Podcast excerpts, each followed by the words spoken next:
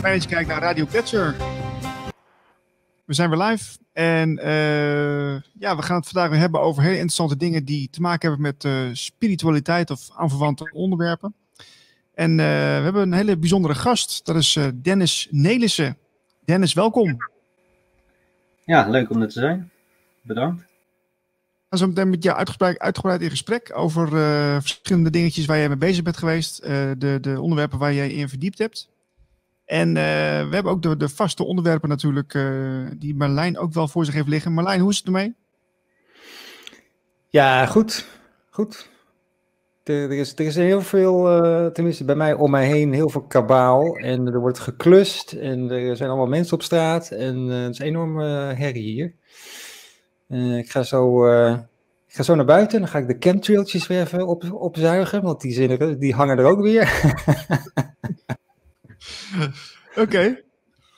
Ja, ik, ik weet niet hoe, hoe, jullie dat ervaren hebben, maar ik, heb, ik, was, ik had gisteravond flinke hoofdpijn en vanmorgen ook een beetje. En nu hoor ik van verschillende mensen dat er, uh, ja, dat er weer ergens uh, energetisch heel veel aan de gang is. Uh, is. Geldt het voor jou ook, Dennis, of heb je er niks van gemerkt?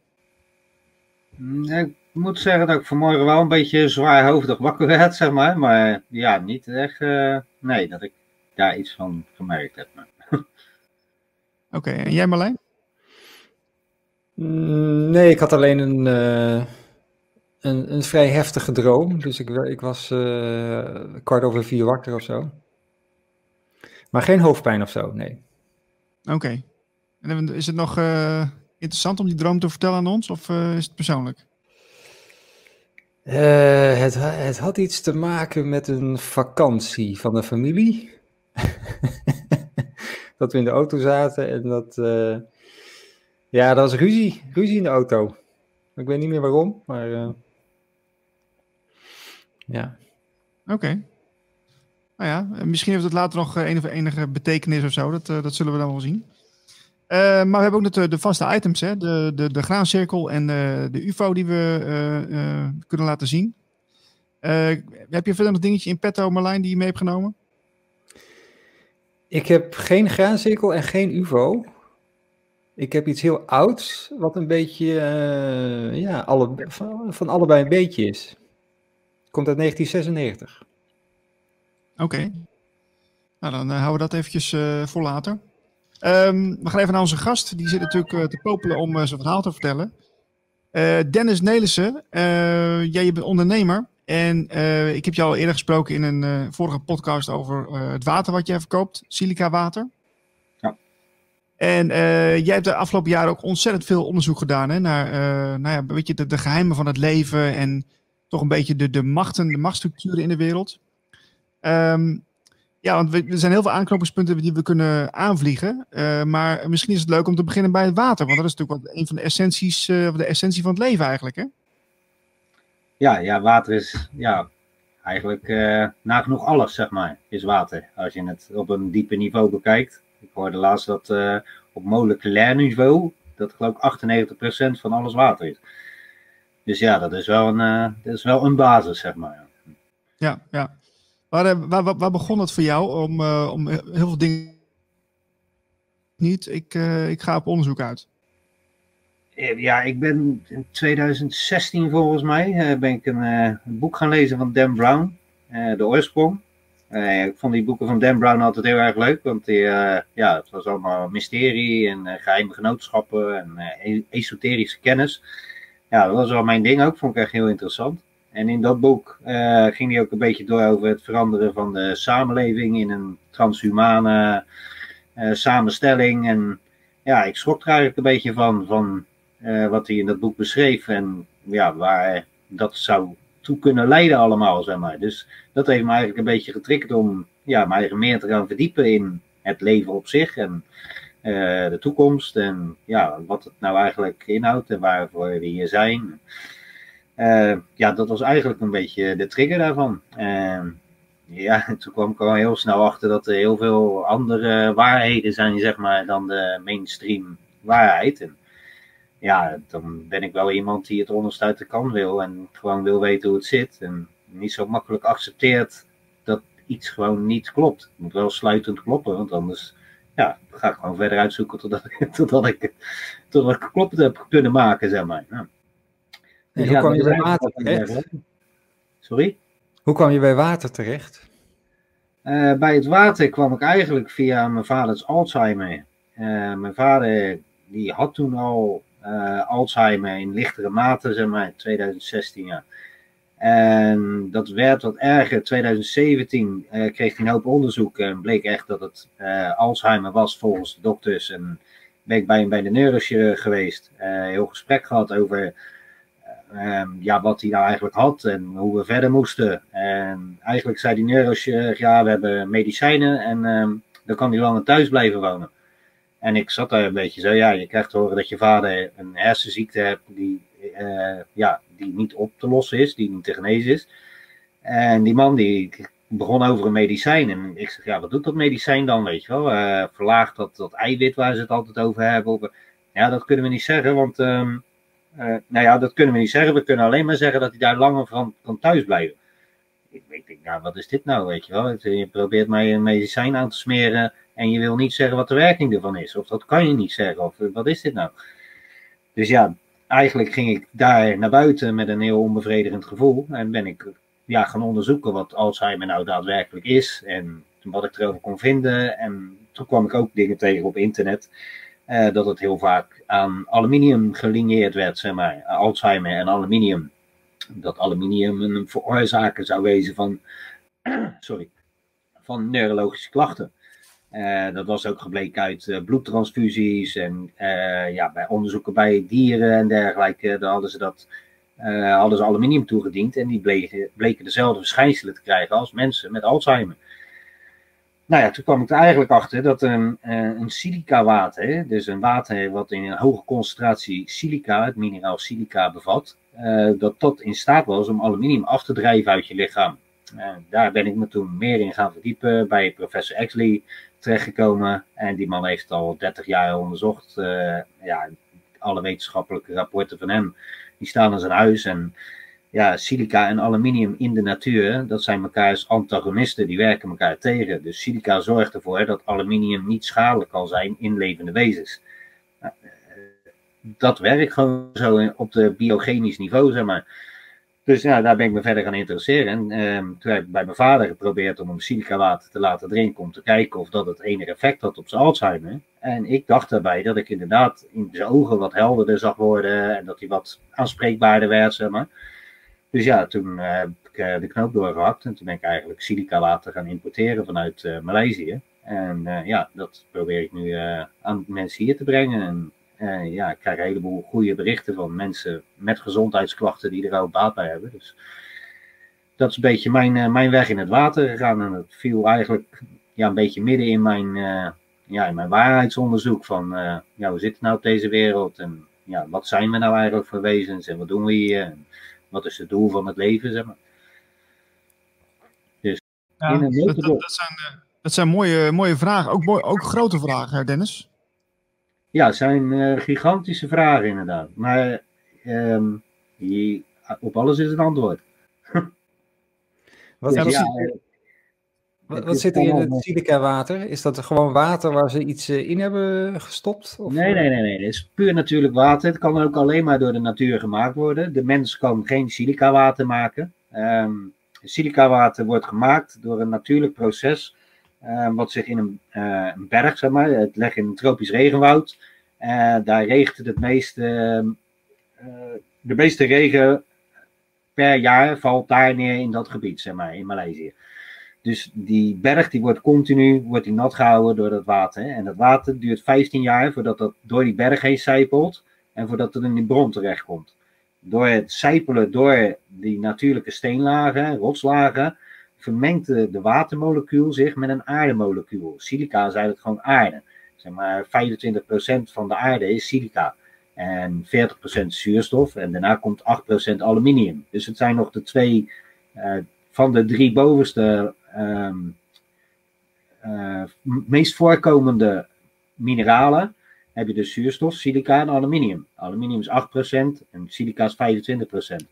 En ja, dat houdt elkaar in evenwicht. Door dat zijpelen van het water door die berg pakt hij dat silica op en verbindt hij het silica-molecuul met een watermolecuul. En dat is uniek. Dat kan eigenlijk niet. Je kan zand niet oplossen in water, dat weet iedereen. Maar de natuur kan dat dus wel, als je de tijd geeft om het te creëren. Nou, vanuit die bron wordt direct. Wordt niet eens opgepompt. Het is een artesische bron, dus het komt automatisch uit de berg. Daar wordt het opgevangen, UV-filter en uh, gebotteld. En dan komt het direct hierin. Dus het wordt niet met mensenhanden aangeraakt, niks. Het is ook een, uh, het is halal, het is kosher, het wordt, uh, ja. Dus ja, het is echt ehm, ja, de vloeistof van moeder natuur, zeg maar. En het heeft een hele goede functie in ons lichaam. Het stimuleert je collageen, het, het haalt aluminium, kan het afvoeren. het stimuleert je fibroblasten voor wondgenezing ja, je celvernieuwing die gaat omhoog door het collageen. Je huid wordt elastischer, soepeler, je gewrichten worden soepeler. Het is allemaal door dat simpele stofje silica, wat eigenlijk ehm, ja, de lijmstof is waar we het altijd over hebben bij baby's. Als ze vallen, dat ze niks breken. Dat is omdat die botten heel veel lijmstof bevatten. Nou, dat is eigenlijk het silica. Dus het is eigenlijk de aarde die nog ja, volop in werking is, die super flexibel is wat later in onze leeftijd uit ons lichaam gaat, omdat we het eigenlijk ook niet meer goed tot ons nemen. Ehm, ja, de voedingsstoffen die worden allemaal in kassen gemaakt en ja, we nemen niet meer zoveel goede natuurlijke voeding tot ons. Dus we krijgen het silica niet meer binnen. Het gaat automatisch uit ons lichaam. We worden ouder, we worden strammer en dat zijn allemaal tekenen van ja, een verlies aan silica. wil ik niet zeggen dat het allemaal ja, silica is natuurlijk. Maar silica is een van de grootste factoren in ons lichaam die dat doet. Ja, ja het silica water werkt dus echt als een razende. Dennis, drink jij nou zelf ook uh, uh, alleen maar silica water? Of drink je ook wel eens gewoon kraanwater of, of, of, spa? Hoe doe je dat? Thee, silica, alleen maar silica water. Kun je, okay. kun je ook het verschil proeven met gewoon uh, water? Ja, we krijgen heel vaak ook dat mensen vinden het ja, het lekkerste water wat ze uitgedronken hebben. Het heeft ook een uh, pH-waarde van 7, 7,2. Dus het is ook direct in balans in je lichaam. Het wordt gelijk geaccepteerd, zelfs in je mond al eigenlijk. Het is heel raar, als je een slokje neemt dan... Ik dronk nooit water, maar dit water, ja, mijn lichaam wil het gewoon graag. Dus, ja. ja, ik vind het een beetje, zit ik zo heel mijn water helemaal zo te promoten. Dat vind ik ook een beetje ongemakkelijk eigenlijk. Maar ja, het is echt helemaal zo. Hè. En ik doe het niet voor niks. Hey, waar, waar kunnen we dat ook krijgen, Dennis? Waar kunnen we het krijgen? Hup, wat, wat, je kan het online uh, bestellen, www.asilis.nl. Um, ja, en ja, wij zijn voornamelijk nog online te verkrijgen. We leveren ook aan sportscholen een paar uh, orthomoleculaire voedingsdeskundigen. En daar zijn er allemaal mee bezig ook. Het zijn voornamelijk mensen die op zoek gegaan zijn naar een remedie ook voor het aluminium en de, de collageenproductie. En uh, ja, die ons water gevonden hebben en die het heel graag drinken. En, eigenlijk de meeste die ik zeg, die willen niet meer zonder. het is een heel erg probleem om nu containers vanuit uh, Azië te krijgen. We doen ons best om alles op peil te houden, zodat we kunnen blijven leveren. Maar ja, ik lever inmiddels ook uh, in Europa een heleboel. En ja, er zijn gewoon mensen die zijn afhankelijk van dit water, zeg maar. Ik heb een vrouw aan de lijn gehad die, die de kind heeft epileptische aanvallen. En als ze dit water drinkt, dan reduceert dat enorm die epileptische aanvallen. Als ze dit water niet meer drinkt, dan komen die in alle eeuwigheid komen die weer terug.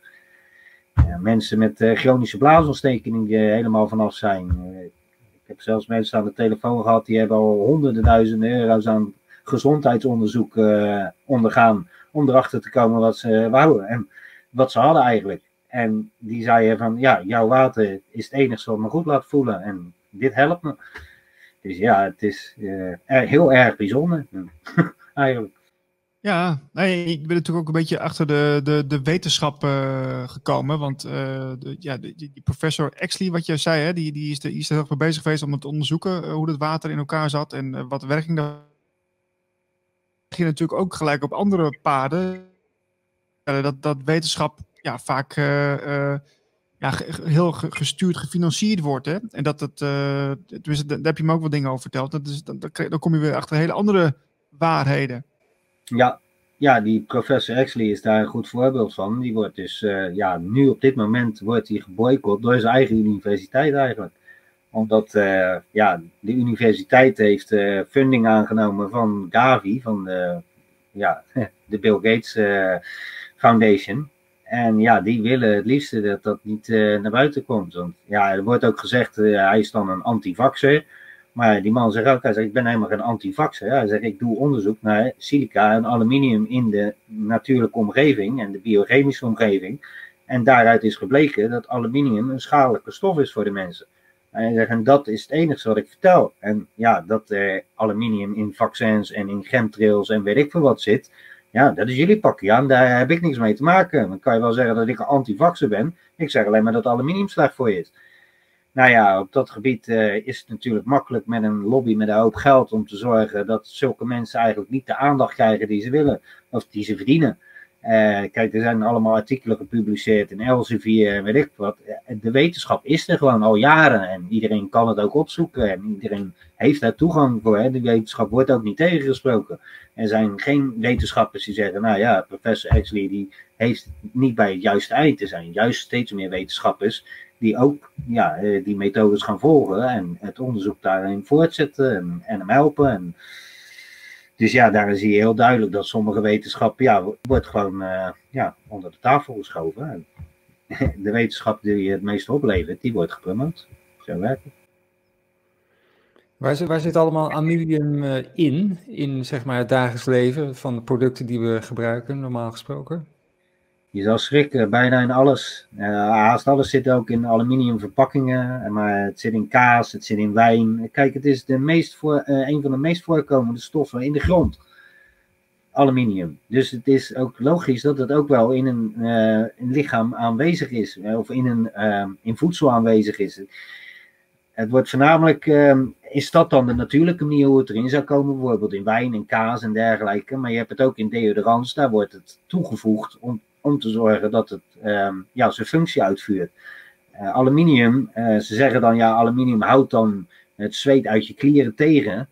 Maar wat het werkelijk doet, en dat heb ik ook van die professor Exley vernomen, en uh, het onderzoek van collega's van hem naar borstkanker in verband met deodorant en dergelijke. het schijnt dat die aluminium, die, gaat, die dringt je cel binnen en die verandert de doorlaatbaarheid van je cel. Dus het is niet zo dat, um, dat je zeg maar, een gat hebt in je cel en het aluminium gaat daarvoor liggen en daardoor kan het uh, zweten niet meer uit. Nee, het is echt de aluminium gaat in je cel en verandert daardoor de opneembaarheid van die cel. Dus de doorlaatbaarheid voor vocht en dergelijke. Dus eigenlijk is een deodorant die aluminium bevat, is meer een medicijn als een. Um, omdat het je cellen beïnvloedt, en dat mag eigenlijk niet, want dan is het eigenlijk een medicijn. Maar ja, dat vertellen de mensen van de deodorantindustrie, die willen dat natuurlijk niet zo. En het aluminium wat je inspuit, dat krijg je niet meer je lichaam uit. Als je niet genoeg silica in je lichaam hebt. Dus dat wordt aangevallen door je immuunsysteem. Je immuunsysteem die, uh, die vangt het, maar die kan het niet kwijt. Want je hebt geen silica om het zich te binden, om het via je urine of je zweet af te voeren. Dus dat aluminium, dat blijft in je bloedbaan rondgaan, uh, totdat het zich op een bepaalde plek ophoopt. Nou, daar krijg je aluminiumophopingen en dat kan door heel je lichaam zijn, maar ook in je, het gaat ook door je bloed-breinbarrière heen op een gegeven moment. Op een gegeven moment is die gevangen cel, die blijft giftig. En die vergiftiging, die aluminium die erin zit, die vernietigt dan jouw, um, jouw gevangenisje, zeg maar, waar je die cel in gevangen hebt. Dus die gaat kapot, waardoor het aluminium weer vrijkomt in je lichaam. Waardoor je immuunsysteem weer die cel moet gaan aanvallen. Dus dat heeft professor Exley ook aangetoond. Het is een um, continu proces van je lichaam die bezig is om aluminium in te kapselen. Maar hij krijgt het er niet uit, dus het blijft de hele tijd hangen. En ja, ik denk ook zelf, 1 1 is 2 voor mij, dat in de afgelopen ja, 50 jaar, waarin we veel meer met aluminium zijn gaan werken en het ook als grondstof en als kleurstof en als alles wordt gebruikt, omdat het een goedkoop mineraal is wat veel in de aarde zit en het heel veel toepassingen hebt, omdat je het op aluminium zoutniveau uh, goed kan aanpassen en ja, goed kan bewerken, zodat het een andere functie krijgt. Dat wij veel te veel van het aluminium binnenkrijgen. En door die open, ophopingen, dat daardoor ook, um, ja, ik bedoel, Alzheimer is met uh, eh, 500% gestegen de afgelopen 50 jaar, geloof ik. Je, dat is iets wat wij in de samenleving doen, waardoor zo'n ziekte ineens stijgt. Het is niet dat we ineens allemaal ja, plotseling een eiwit gaan produceren waardoor we Alzheimer krijgen. Alzheimer is doodsoorzaak nummer 1 in Nederland, uh, voor zover ik weet nog steeds. Uh, ja, eigenlijk is de oorzaak is al vijf, tien jaar is al bekend. En er wordt gewoon niks mee gedaan. Dennis, ik heb een vraagje. Um, want je had het net over deodorant, hè, dat, dat, uh, dat, dat de cel verandert.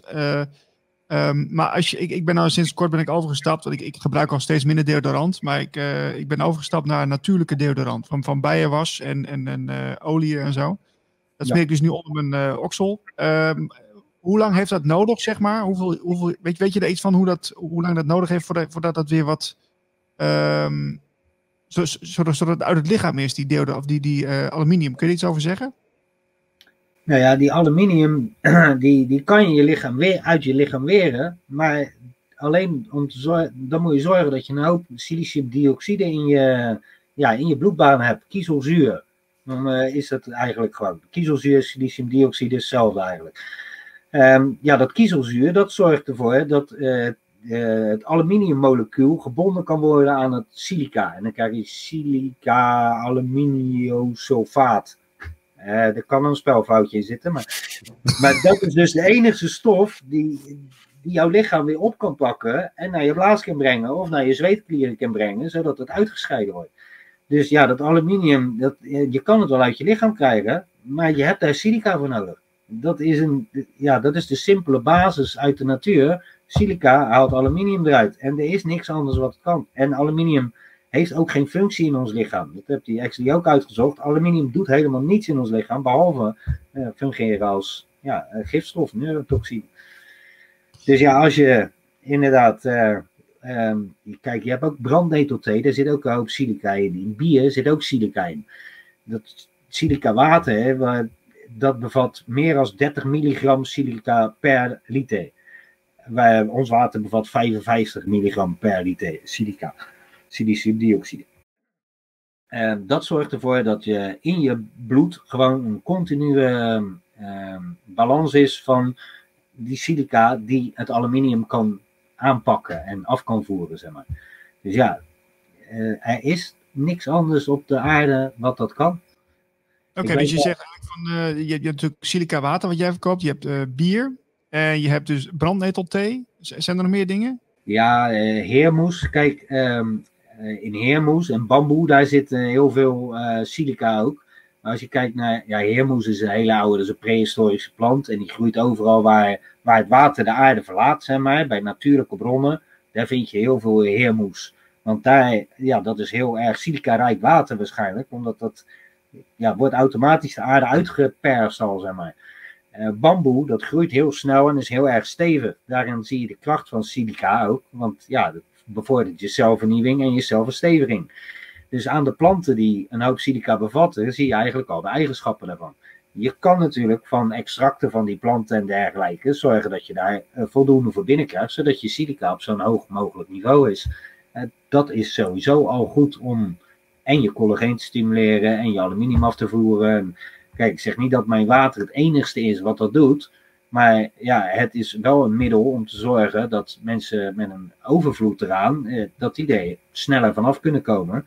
En ja, ik drink gewoon eh, zeker anderhalve liter per dag. Omdat ik weet van, nou, we leven, professor X die zei ook, we leven in de aluminium age. Alles is van aluminium. Maak maar iets open, er zit aluminium in. Het zit verpakt in aluminium. We koken met aluminium, we roeren met aluminium. We doen alles met aluminium.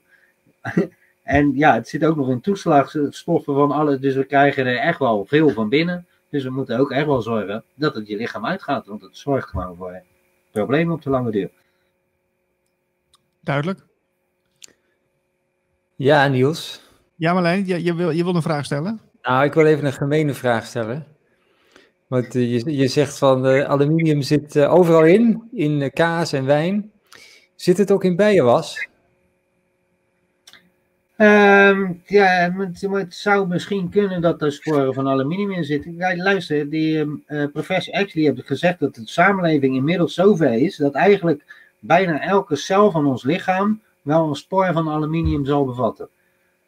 Dus het, het is gewoon aanwezig, continu, in alles waar we, ja, in onszelf en alles wat we tot ons nemen. De lucht die we inademen. Je had het net over chemtrails.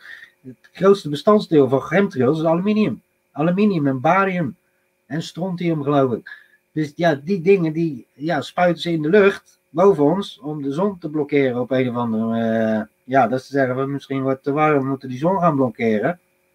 Maar ja, het zou ook kunnen dat ze zeggen van nou ja, we spuiten gewoon een heleboel uh, rommel in de lucht waar mensen misschien niet zo gezond van worden. Ja, ik vind het toch heel apart waarom ze dat doen. Ik zie, ik zie de echte functie daar niet van in.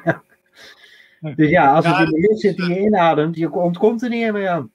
Nee, nee dus de, de, we onlangs uh, hadden we Fred Teunissen in de uitzending. Die heeft er ook een boek over geschreven. Uh, Hemel onder vuur.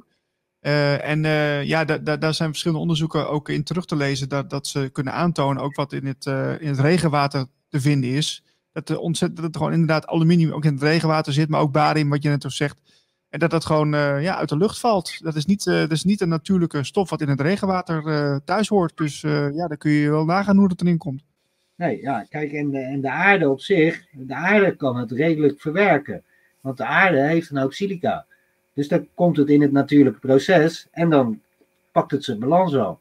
Maar het moet in ons lichaam ook die balans kunnen pakken. En als wij een overvloed van het een binnenkrijgen en te weinig van het ander, dan ga je problemen krijgen. Op, op ja, allerlei niveaus. Dat zie je ook wel aan de samenleving. Kijk, we doen net of we zo geleerd zijn en dat we alles weten. Maar uh, voorlopig zijn we volgens mij alleen maar ja, slechter ervan geworden. En ik denk meer dat we devalueren in plaats van evalueren, zeg maar.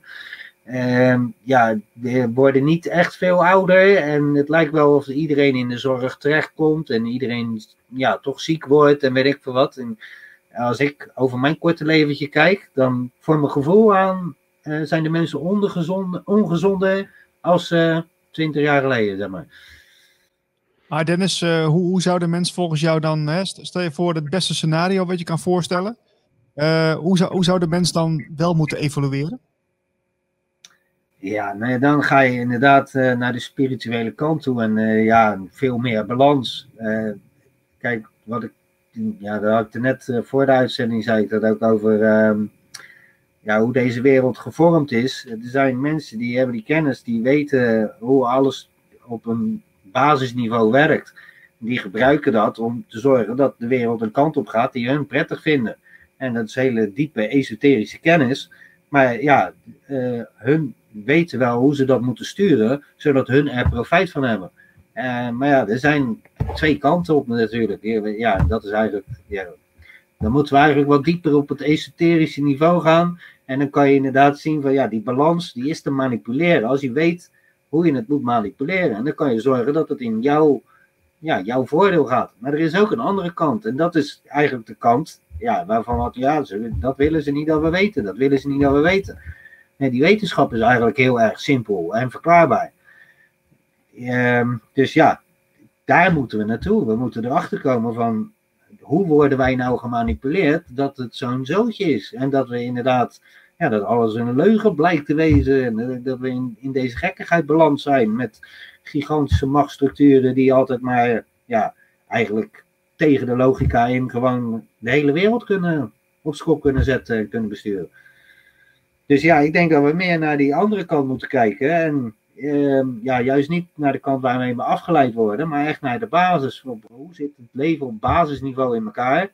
Kunnen we dat begrijpen? En kunnen we daar wat mee doen? Kunnen we daar profijt van uithalen? Ik denk dat we daar heel veel profijt van uit kunnen halen.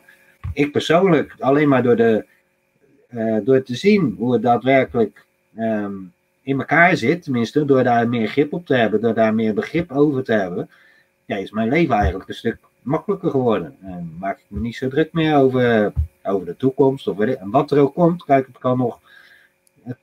De derde wereldoorlog zou voor de deur kunnen staan. Maar ook daar maak ik me niet eens zo druk over. Want ja, als dat komt, dan uh, heeft dat ook wel een reden dat het komt natuurlijk. En dan moeten we dat ook ondergaan. Dus ja, dan. Ja. Het is eigenlijk... hoe, zie, hoe zie je dat dan? Hoe sta je daarin waardoor je je niet meer druk maakt? Uh, ja, eigenlijk om te zien dat de, dat de basis van het leven, dat, alle, dat alles in jezelf zit. En dat wij als mens een van de, ja, een van de, de bijzonderste creaties zijn hier eh, op aarde, zeg maar. Uh, als je dat ziet wat je lichaam daadwerkelijk is en wat de systemen zijn die in je lichaam plaatsvinden en ook de connectie met je spiritualiteit en ja, hoe eigenlijk alles is ontstaan um, vanuit het niet, zeggen ze wel eens natuurlijk. Ja, kijk, ik bedoel, of nou in een Big Bang gelooft of in een creator. Maar ja, er was dus niets kennelijk. Want ja, het moet, of wat is er dan ontploft met die Big Bang? Of wat is er toen begonnen dat iemand wat gemaakt heeft? Dus um, eigenlijk om te zien dat die creatie, dat je die heel erg in je eigen lichaam kan zien. Um, en um, ja, ja, dat heeft me eigenlijk doen beseffen dat alles in mezelf zit en dat ik helemaal niet meer extern hoef te kijken. Dus je, je, ja, er zit natuurlijk een hoop informatie waaruit je nou dingen kan halen. Maar als je ziet dat eigenlijk alles wat je vindt en wat je zoekt, dat de basis daarvan in je eigen lichaam, op je eigen tien vingers, je kan het op je eigen handen, kan je het, kan je het zien van, ja, dit, dit, zo ben ik gemaakt, dit is de creatie ja, dat maakt het wel heel erg veel makkelijker. Want ja, je hoeft nergens meer op te vertrouwen of niks, want je kan op jezelf vertrouwen. Jij bent de creatie en je creëert ook je eigen uh, gemoedstoestand.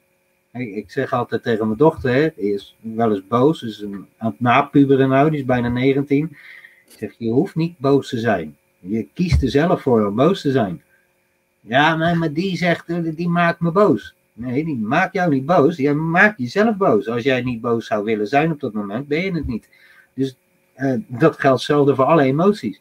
Dus zo kun je al je emoties, heb je zelf onder controle. En wat de situatie ook is, jij hebt de kracht over die emoties. En jij hebt de kracht over ja, hoe je ergens over denkt. En of je daar boos over wordt, of verdrietig over wordt, of, of niet. Maar als je beseft dat het in jezelf zit, ja, dan kan je er een stuk makkelijker mee omgaan. Ja, Dennis, je zei net van uh, de, de, esoterische kennis, die is heel belangrijk. En dat, dat alle informatie die, in je, die jij in je draagt, uh, dat als je daarnaar kijkt, dat je, dat je dan um, dat je daar voordeel uh, uithaalt. Of dat je dan, dan beter begrijpt hoe dingen in elkaar zitten. kun je een voorbeeld geven van jezelf, van, van, van die innerlijke kennis of de innerlijke wijsheid die jij met je meedraagt, waar, waar je dus voordeel van hebt?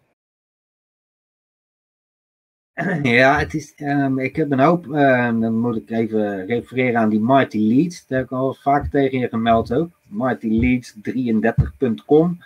Als je daar interesse voor hebt. Um, ja, die man is echt heel bijzonder en die doet het al heel veel jaar. Die heb ook allemaal boeken geschreven over Met the Magic en dergelijke, wiskundige magie.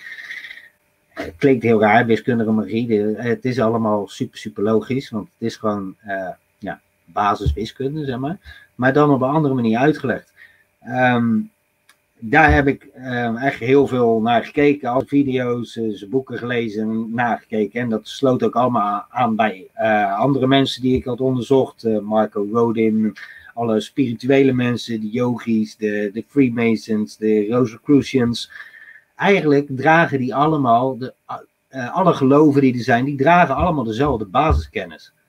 Uh, die, die basiskennis, dat is die drie-eenheid. En we hebben het wel eens over die triangle, weet je wel. En oh jee, daar heb je de, de, de uh, all-seeing eye en weet ik veel wat. Dus dat is eigenlijk de gemeenschappelijke factor. Als je gaat kijken naar al die dingen, dan is dat de gemeenschappelijke factor. Het, het is die, die driehoek. En ja, die driehoek, dat is, um, dat is geometrie geometrie, dat is eigenlijk uh, het meten van de aarde. Dus eigenlijk het, het meten van de aarde, daar, daarmee, met die wetenschap, kan je dus um, zien waar je op leeft en wat jouw omgeving is eigenlijk. Dat, dat legt het een beetje uit. Dat zit al eigenlijk in het woord. En zo zie je dat een, ja, een hoop woorden verraden eigenlijk de, de betekenis op esoterisch niveau, maar daar kijken we nooit naar. Kijk, als je geometrie, dan denken wij aan vormpjes. Maar ja, het, woord zegt dat het het meten van de aarde is. Dus ja, um, Pythagoras en dergelijke, die, keken daar uh, heel erg nauw naar. Dat waren de grote uh, ja, wijsgeren waar we nu nog een hoop kennis van hebben overgehouden. Die vonden dat allemaal uit, zeg maar. Of die ontdekten dat, of die brachten het in het publiek. Nou ja, als je kijkt naar geometrie en numerologie en dergelijke, dat is eigenlijk um, ja, de verbindende factor in, eh, over de hele wereld, over alle geloven en over alle stromingen, religieuze richtingen, alles wat je maar kan bedenken. Hetgene wat daarin zit, wat het verbindt, dat zijn nummers en vormen. En dan krijg je symbologie. Ehm, dat is de basis. Dat is de basis van alles. En die basis, die is ehm, ja, door verschillende samenlevingen, is die iets aangepast. En daar, is een, daar zijn woorden van gemaakt, er zijn verhalen van gemaakt, er zijn theorieën van gemaakt. Maar die uh, esoterische basiskennis, die blijft altijd hetzelfde. En ja, dat is eigenlijk, uh, jullie hadden het maandag over de matrix en dergelijke, en over wat het nou is. En um, daarmee kan je een beetje verklaren um, hoe deze realiteit um, tot stand gebracht kan worden. Dus ja, hoe het kan dat wij dit in allemaal beleven en dat wij allemaal dingen kunnen zien en horen en voelen en ja, dat de natuur is die, die groeit. En um, het gemeenschappelijke factor daarin is vormen en numerologie eigenlijk. En dat, ja. ja. Kun, je daar een voorbeeld van geven, Dennis? Want je zegt van er zijn uh, bij alle religieuze stromingen uh, is, is er een soort van basiskennis waar over, wat overal hetzelfde is. Uh, kun, je daar, kun je daar iets van over zeggen? Want, want, mensen dat herkennen? Ja, nee, bijvoorbeeld de, de, de heilige drie-eenheid, zeg maar. Dat zit in het christelijke geloof, de Vader, de Zoon en de Heilige Geest. Ja, dat, dat is een drie-eenheid. Nou ja, die, uh, als je kijkt naar uh, het Hindoeïsme, aan die kant in Azië, de Oosterse, dan kom je Vishnu, Brahma en um, Shiva. Dat is weer een drie-eenheid. Als je gaat kijken in de Bijbel ook met Jezus Christus, kwamen de drie koningen.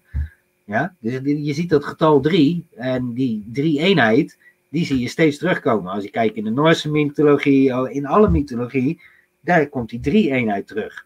Dus ja, eigenlijk wat al die verhalen eigenlijk bevindt, is nummer drie. En de driehoek. Dus eh, daar kan je een beetje aan zien van, hé, hey, oké, eh, die mensen die leggen het allemaal op een andere manier uit. Maar dat basisprincipe, dat zit in al die geloven. Uh, als je dan gaat kijken van, ehm, ja, wat is die drie-eenheid dan eigenlijk? Wat bedoelen ze daarmee? Um, als je, ja, als je kijkt naar wat ik zei over de Vader, Zoon en de Heilige Geest, dan heb je. Ehm, ja, dat is moeilijk uit te leggen ook om het terug te koppelen vanuit het Engels. je hebt zeg maar de, de zoon, dat is het, het, heden. Uh, de vader, dat is de toekomst. En de Heilige Geest, dat is het verleden. Dat zou je de dood, uh, de toekomst en het heden. Eigenlijk is een drie-eenheid een aanduiding van hoe wij onze, onze tijd beleven. Ah ja, ja. Dus wij beleven onze tijd in het nu. En we kijken naar, de, naar het verleden en we kijken naar de toekomst. Het verleden is al gebeurd, dat hebben we al gecreëerd, dat zijn we aan het vernietigen. En de toekomst, dat is wat we kunnen creëren, wat er aankomt. Maar we doen alles vanuit het heden. Dus die, dan kom je eigenlijk bij een, eh, unity of opposites, wat één geheel maakt. En ja, dat, dan ga je al gelijk echt redelijk diep in de esoterische kennis. Uh, unity of opposites, verleden en heden en uh, de, het, tenminste verleden, toekomst en het heden, wat eigenlijk continu present is, zeg maar, dat is een drie-eenheid. En dat is opgebouwd uit een unity of opposites. Dus er zijn twee tegenstellingen die eigenlijk een eenheid vormen. En die twee tegenstellingen die eigenlijk een eenheid vormen, die zitten in alles. Want je kan niet zonder, je kan niet iets hebben dat je geen tegenpool hebt. Dat bestaat niet. Nee, dat is de dualiteit waar we in zitten. Ja, dualiteit. Je hebt, je hebt altijd twee. Je hebt licht en donker. Je hebt koud en warm. Er kan geen koud bestaan als je geen warm hebt. Snap je? Dus om koud te hebben, moet je wel warm hebben. En als je die twee dingen hebt, alleen dan heb je temperatuursverschil. Dat is de eenheid. Dus er zijn altijd drie dingen nodig om een eenheid te maken. Uh, je kan bijvoorbeeld een vlecht maken bij een, uh, bij een vrouw. Als je dat met twee dingen haar doet, dan valt die vlecht aan elkaar. Je hebt er drie drie dingen voor nodig om die verbinding tussen die twee, om die aan elkaar te vlechten. Nou ja, die, die wetenschap van de unity of opposites, dat gaat zo diep. En als je dat, um, dat kan je eigenlijk overal toepassen. Dus als je zegt van, nou ja, um, God heeft de wereld geschapen en hij sprak uh, licht in de wereld. Zo staat het in de Bijbel. Hij sprak het. Dus hij, hij gaf een vibratie eigenlijk, waardoor er licht in de wereld kwam. Uh, ik ben helemaal, ik ben geen, ik was altijd atheïstisch. Ik ben er helemaal teruggekomen. Ik geloof wel dat er iets is wat dit gemaakt heeft, weet je wel. Dat er een creator is. Uh, op die manier wordt het in de Bijbel uitgelegd hoe het gemaakt is. Um, en ook dat is esoterisch te verklaren. Als je kijkt hoe hij spreekt, uh, hij sprak het licht in, in werkelijkheid, zeg maar. Dat is een vibratie. Je stemgeluid is een vibratie. Als je naar een vibratie kijkt, hoe wij dat um, ja, op, op papier zouden zetten, dan zou het een golflijn zijn. En dat is uh, laag, hoog, laag, hoog. Dus dat zijn twee uitersten. En het midden, dat is eigenlijk je basislijn, maar tussen die altijd fluctueert. Dus je hebt die drie dingen, die drie eenheid, die zit in vibratie. Vibratie is ook een drie eenheid. Dan kun je zien dat alles wat in deze realiteit zit, dat heeft die drie eenheid heeft in zich. Ik denk dat we daarom een piramide met een all-seeing eye hebben. Dat geeft dat aan. Dat is, die, dat is de belangrijke kennis waarmee um, ja, als we daar dieper op ingaan, dan kunnen we die kennis gebruiken om deze realiteit vorm, vorm te geven. En zo doen ze het ook allemaal. Tenminste, degene die in ons, ja, die deze wereld besturen, zeg maar. Ja, nee, ik, Dennis, ik heb even om daar even op door te gaan. Uh, want je hebt dus over die uh, de drie eenheid en dus de, de, de, de, de, de kennis die, uh, die, die daarover bekend is. dat is een gegeven, maar je had het net ook over, over het feit dat ehm, um, dat er bepaalde kennis is aangepast. Hè? Uh, zo, zo, zodat wij er nu eigenlijk een beetje van afgeleid worden. Heb je, heb je daar ook een voorbeeld van? Nee, um, ja, kennis aangepast. Kijk, de kennis wordt, wordt bewust verborgen gehouden. Tenminste, naar mijn idee. Ja, naar wat ik heb onderzocht. Kijk, je hebt altijd die geheime genootschappen gehad. En die um, hebben heel veel met die kennis gedaan. Als je gaat kijken naar de vrijmetselarij. En ik, ik zie de laatste tijd alles online ja, het zijn allemaal die vrijmetselaars en de vrijmetselaars en de vrijmetselaars en de vrijmetselaars. En niemand kijkt eigenlijk wat hebben de vrijmetselaars dan te vertellen. Nou, die Marty Leeds, die is daar al twintig jaar mee bezig. En die is zelf geen vrijmetselaar, maar die heeft al die kennis die in de vrijmetselarij verkrijgbaar is. Trouwens, volgens mij open en bloot. Kun je daar zo naar binnen lopen en kan je lid worden en kan je ja, genieten van die kennis. Ik weet niet of dat het allemaal goede clubs met goede mensen zijn, maar het gaat mij meer om wat is de kennis die ze hebben. En um, ja, waarom zijn hun zo machtig geworden? Alleen omdat hun die kennis beheersen en omdat hun daar wat mee doen. Um, wacht, dan ben ik even kwijt wat je vroeg. Want ja, of die, of die ja, aangepaste kennis. Aangepast. Nou, die kennis die, eh, die, die zit verborgen. Um, waarom zit die verborgen? Omdat die kennis is zo vreselijk krachtig. Omdat daar kan je de realiteit mee veranderen. Dus je moet daarvoor moet je um, geïnitieerd worden, zeg maar, in die kennis. En moet je daarin opgeleid worden, in die kennis. Eigenlijk. Zo is het vanuit uh, duizenden jaren, wordt het eigenlijk al beschermd.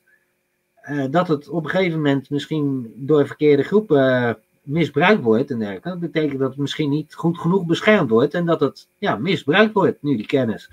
Maar ehm, dat het verborgen is, eh, dat heeft een reden, omdat het, ja, het is niet voor iedereen. Het is eigenlijk echt alleen, het is je zoektocht naar uh, ja, je eigen perfectie en je eigen ontwikkeling. En ja, zolang, als je daar geen interesse hebt of je stopt daar niet genoeg tijd in, dan hoef je het niet te weten. Dus ze hoeven het niet in, in, in de openbaarheid te zetten, want um, jij moet je zo erg bewust zijn van dat het er is en dat je er wat mee wil doen, dat jij zelf de wil toont om het uit te zoeken. En alleen dan, dat is eigenlijk een beetje hoe het in deze wereld werkt ook. Als je je daarvoor openstelt, en dan krijg je die kennis vanzelf. Maar ja, dat betekent niet, ja, je moet er wel moeite voor doen. Je moet, ze hebben het ergens bovenop een berg geplant, die kennis. En die, die, als je niet bovenop die berg komt, dan krijg je het niet. Dus je moet er echt wel voor zoeken en je eigen ervoor inlezen en ja, alles proberen te begrijpen. Je moet het op een gegeven moment in de natuur gaan zien en, en zo wordt er steeds een stukje meer open. En dan, dan krijg je een heel, ja, dan krijg je eigenlijk dat open besef van, oké, okay, um, ja, er is iets heel speciaals wat we gewoon met ons lichaam en ons mind kunnen doen. Ik ben ook nog lang niet zo ver dat ik dingen met mijn lichaam en mijn mind kan doen, zeg maar. Ik ben echt alleen maar aan het onderzoeken van hoe werkt het nou? En ja, wat is dan, is er een wetenschap onder, weet je wel? Wij, willen toch graag alles logisch hebben. Uh, linker, rechter hersenhelft. Uh, linkerhelft is ehm, ja, structureel, rationeel, meetbaar. Je rechterhelft is creatief en ja, daar, dat zijn ja, twee principes van je hersens waar je continu mee bezig bent om de juiste beslissingen te maken. Um, ja, dan moet je op een gegeven moment moet je met twee hersenhelften tegelijk gaan denken om die goede balans te vinden, om die, ja, om die goede vooruitgang, om die um, openbaring te krijgen, dat je echt ziet van oké, zo werkt het dus in de natuur. Ja. Even, even terug over de, over de, over de kennis, hè, want dat, ik heb niet echt een heel duidelijk antwoord. Nee, uh, want, want, want is, ja, want, want er, is dus, uh, er, schijnt, er is dus wel kennis aangepast. Dus die, die, die kennis hebben wij dus nu uh, net iets anders verkregen. Zodat we eigenlijk niet helemaal goed begrijpen wat, wat, wat de echte kennis is. Begrijp ik het zo goed? Nou, oké. Okay. Kijk, je hebt, um, als je neemt de Bijbel als voorbeeld. Dat, kijk, die Martin Leeds heb, uh, die is christelijk ook tenminste. Die zegt ook van, nou ja, in het christelijke verhaal, daar zit voor mij het meeste, meeste in, waar ik me mee kan relaten. Dus dat heeft hij ook helemaal uitgeplooid. Dit, dit is echt bijzonder, want de King James Version Bijbel, zeg maar, uit 1616 of zo geloof ik, die is gewoon compleet gecodeerd met uh, gematria. Dus daar, daar kan je die numerologie, die kan je uit die Bijbel, kan je, daar staan die waarheden staan er allemaal in. Maar die staan erin op een heel diep niveau. En um, als je echt uh, biblical exegesis heet dat, als je echt bijbelkennis wil gaan doen, dan zeggen de meeste, um, ja, hoe noemen ze die nou ook wel, mensen die altijd heel conservatief over de Bijbel denken, weet je wel, de echt uh, ja, vasthouders aan het oude geloof, zeg maar. Um, die hebben uh, de priesters daarvan, die zeggen: als je de Bijbel wil gaan ontleden, dan heb je daar vier lagen in. Je hebt de literaire laag, je hebt de morele laag, de allegorische laag en de anagogische laag. En die anagogische laag, die onderste laag, dat is de mystische laag. En die mystische laag, zeg maar, die slaat terug op, op die esoterische kennis. Dus alleen in die mystische laag, doordat je dingen um, niet leest zoals ze er staan, maar gecodeerd leest. Dus dan moet je eigenlijk eerst de code hebben waarin de woorden opgeschreven zijn, waarop, waarop die Bijbel geschreven is. En dan kom je erachter van, hé, hey, die esoterische kennis, die staat recht voor me in die Bijbel. Continu, met alles. En dan gaat het inderdaad over uh, pi en over uh, squaring the circle. Dat zijn allemaal principes van een alchemisch proces. Hoe wij, uh, hoe wij ontwikkelen, dat is de alchemie, zeg maar. En hoe wij um, hemel en aarde met elkaar kunnen verbinden. Dat is eigenlijk de zoektocht van de mens. Hoe verbind ik hemel en aarde met elkaar? Of hoe leg ik de hemel uit en maak dat aards? Of hoe leg ik de aarde uit en maak dat hemels, zeg maar. Dat is eigenlijk een beetje ja, wat ik denk ook dat de mens waarvoor we geschapen zijn. Waarvoor we geschapen zijn, weet ik ook niet helemaal. Dat is een hele uh, gekke uitspraak eigenlijk. Maar wat we hier doen, dat is eigenlijk als je naar je ogen kijkt, als je naar de horizon kijkt, wat, doen je ogen dan? Die maken hemel en aarde één. De meeste mensen denken hè? maar kijk maar naar de horizon. Wat is de horizon? De horizon is het punt waarop hemel en aarde één worden. Er zit niks tussen hemel en aarde. Als, zoals wij nu hier staan, staan we op de aarde, kijken we naar de hemel. Maar zodra onze ogen helemaal in de verte kijken, dan zien wij hemel en aarde één worden.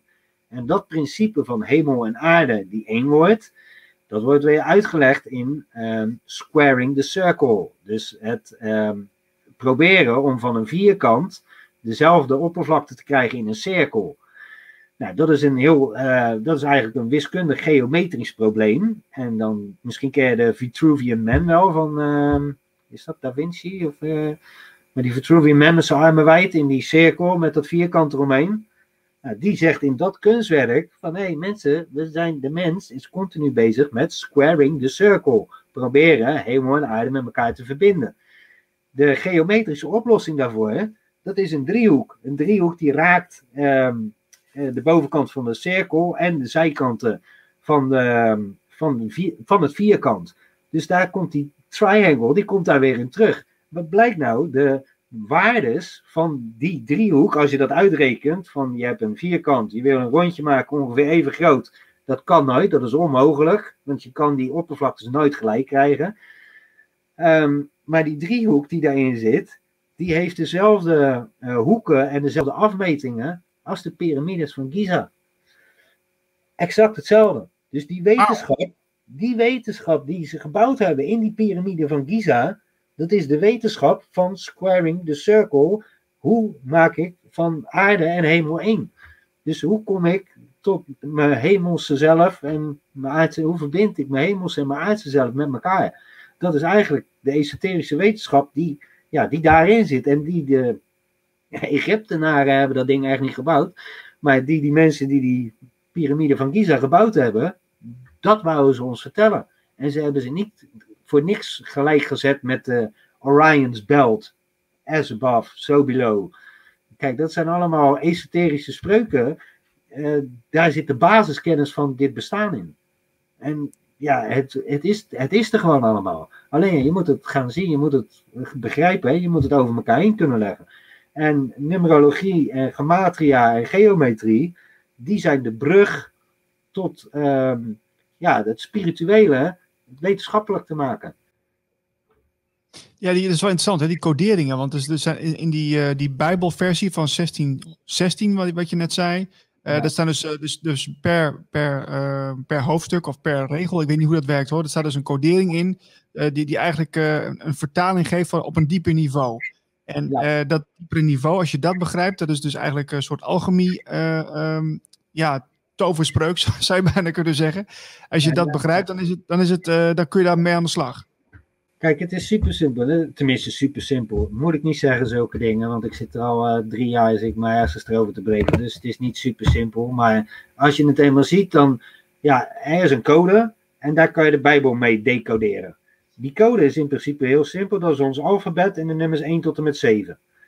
Dat heeft die Marty Leeds. Uh, die zegt, ik, ik heb dat niet uitgevonden. Hij zegt, ik ben daar jarenlang mee bezig geweest. En die code, of die, dat cijfer, zeg maar, dat is tot hem gekomen, zeg maar. Hij zegt, op een gegeven moment zag ik het. Hij zegt, alles had met zeven te maken en dit, dat en die. die. Hij zegt, spiegeling, dubbeling. Er zit ook een hele uh, natuurlijke uitleg aan hoe hij die um, codering heeft opgebouwd. Ja, ik weet misschien dat we, ik weet niet of we wat in beeld kunnen brengen. Misschien dat ik het kan laten zien of zo. Maar... Ja, dat kan zeker. De, de, die optie is er. Dus als jij uh, een, een, voorbeeld daarvan hebt, of je hebt een, een, plaatje. Ja, dan zou ik dat even op moeten zoeken. Maar ja, uh, even kijken. Kan ik dat gauw vinden? Hoe kijk jij er naar, uh, Marlijn? Want je zit aandachtig te luisteren. Ik zit aandachtig te luisteren. Ja, die, die, dat vierkant en de cirkel en de driehoek. Dat is ook het, het symbool, alles bij elkaar, voor alchemie.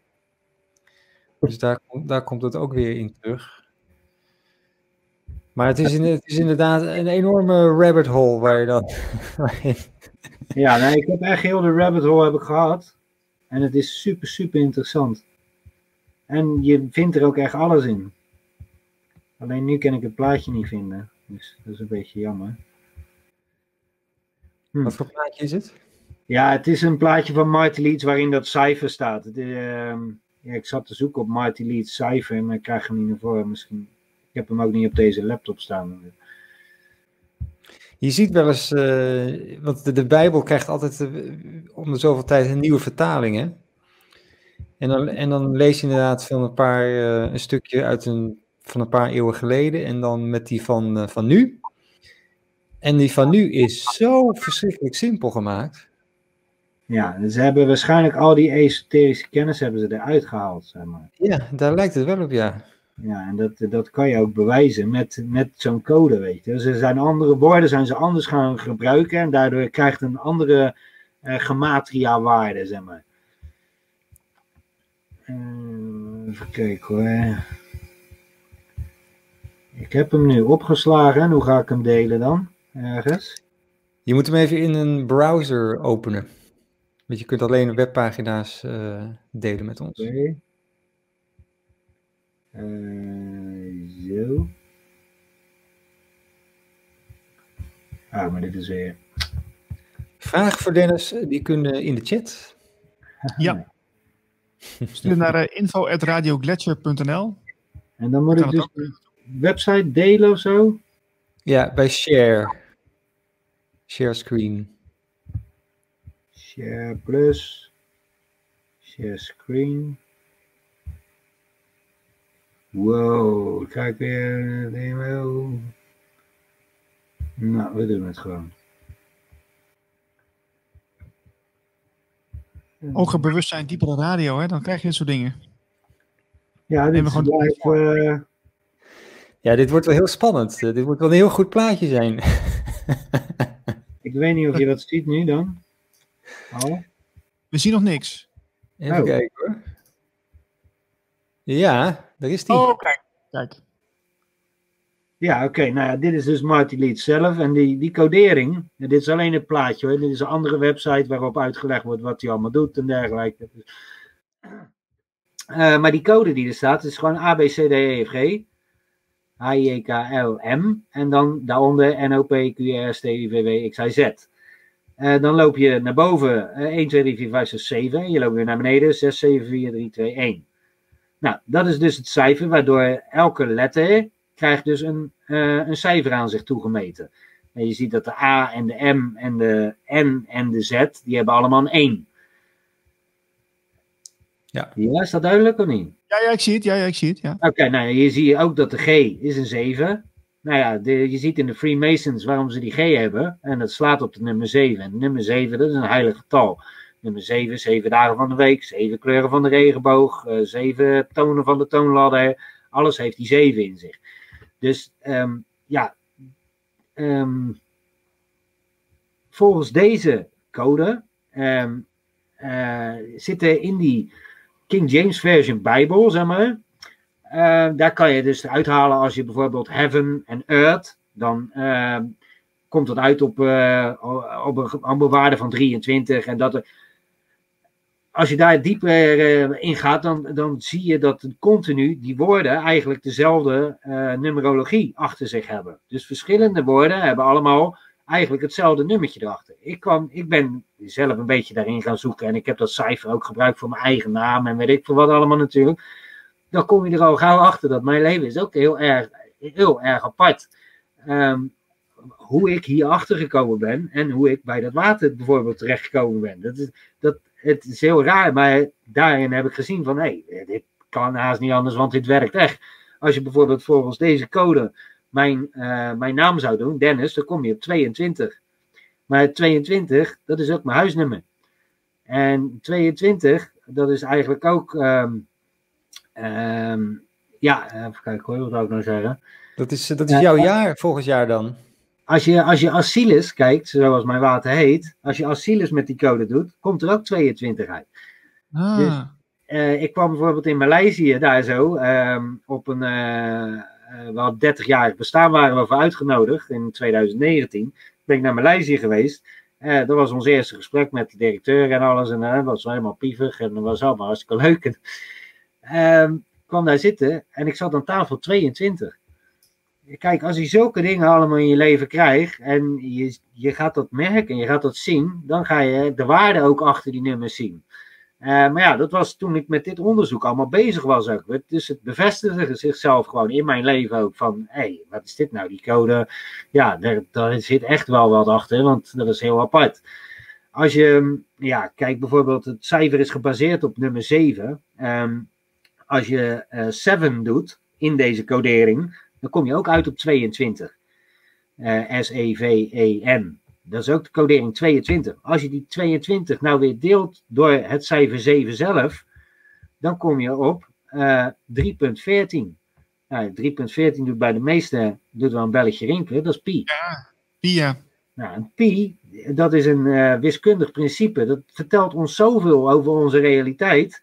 Dat is, dat is, dat is echt heel bijzonder, want wij hebben gewoon een, een meetkundig object in onze eh, omgeving dat oneindig is. En dat hebben we eigenlijk met niets. Dus eigenlijk, eh, alles wat wij hebben is linkerbrein gerelateerd. Alles is meetbaar, alles kunnen we vaststellen. En alleen een cirkel niet. Een cirkel is pi, is oneindig. Er is nog geen computer gevonden die dat uit kan rekenen. En dat zal ook nooit gebeuren.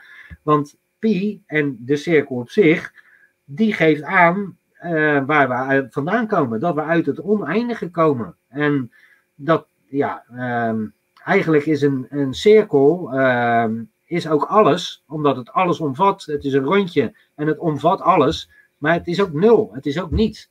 Dus het is alles en niets en het is oneindig. dat is al eigenlijk ons eerste cijfer van onze nummerlijn, onze basis van alles, is dus oneindigheid. En dat vertelt al eh, de, de normale cijfers die wij gebruiken, vertellen je dat al. Alleen, ja, de meeste mensen denken daar niet over na, want die kijken alleen maar naar uh, wiskunde en nummers met het linker deel van de hersens. Dat is het logische, rationele deel. Nee, nummers 0, 1, 2, 3, 4, 5, bam, klaar, dat is het. Er is niet meer. Ga je je vrouwelijke kant gebruiken, je rechterdeel van je hersens, dan krijg je je creativiteit. Dus dat betekent, eh, je kan ook creatief zijn met die nummers. Misschien kan ik ze ook wel spiegelen. Of misschien, weet je wel, en daar een balans in, dat laat, die, dat laat deze code zien. Dat je inderdaad veel meer kan doen met cijfers als alleen maar optellen, aftrekken en uh, maten uitrekenen en dergelijke. Maar Dennis, ja. zeg zo'n, uh, je, je zei net het getal 22, dat is voor jou dan bijzonder, maar, uh, um, maar, maar, ga je dan ook gelijk kijken naar uh, de, je huisnummer en zo? Is, is dat niet een beetje vergezocht? Nou ja, dat is voor mij is dat toeval. Ik wist dit niet. Toen ik, voordat ik dit ging onderzoeken, wist ik niet dat mijn naam Dennis 22 was, dat Asilis 22 was. Ja, ik wist wel dat ik op huisnummer 22 woonde. Maar ik wist ook niet dat ik aan een tafel terecht zou komen op nummer 22, weet je wel. En als je kijkt, ik ben tweelingen, dus dat is, daar zit ook die tweede, die verdubbeling. Als je, um, je gaat op een gegeven moment zien dat deze esoterische kennis en waarheden, dat die een noemenswaardige rol spelen in je leven. En dat zal voor iedereen op een andere manier. Of, maar ik heb dat op deze manier ervaren in mijn eigen leven. En ja, uh, ik kan je nog wel uh, honderden voorbeelden geven van hoe het eigenlijk in de werkelijkheid ook zich manifesteert gewoon. En ja, um, het is een beetje. Um, in het begin is het een beetje ver gezocht dat je denkt van ja, die man, en dan heeft hij een code verzonnen en ja, daar legt hij alles mee uit.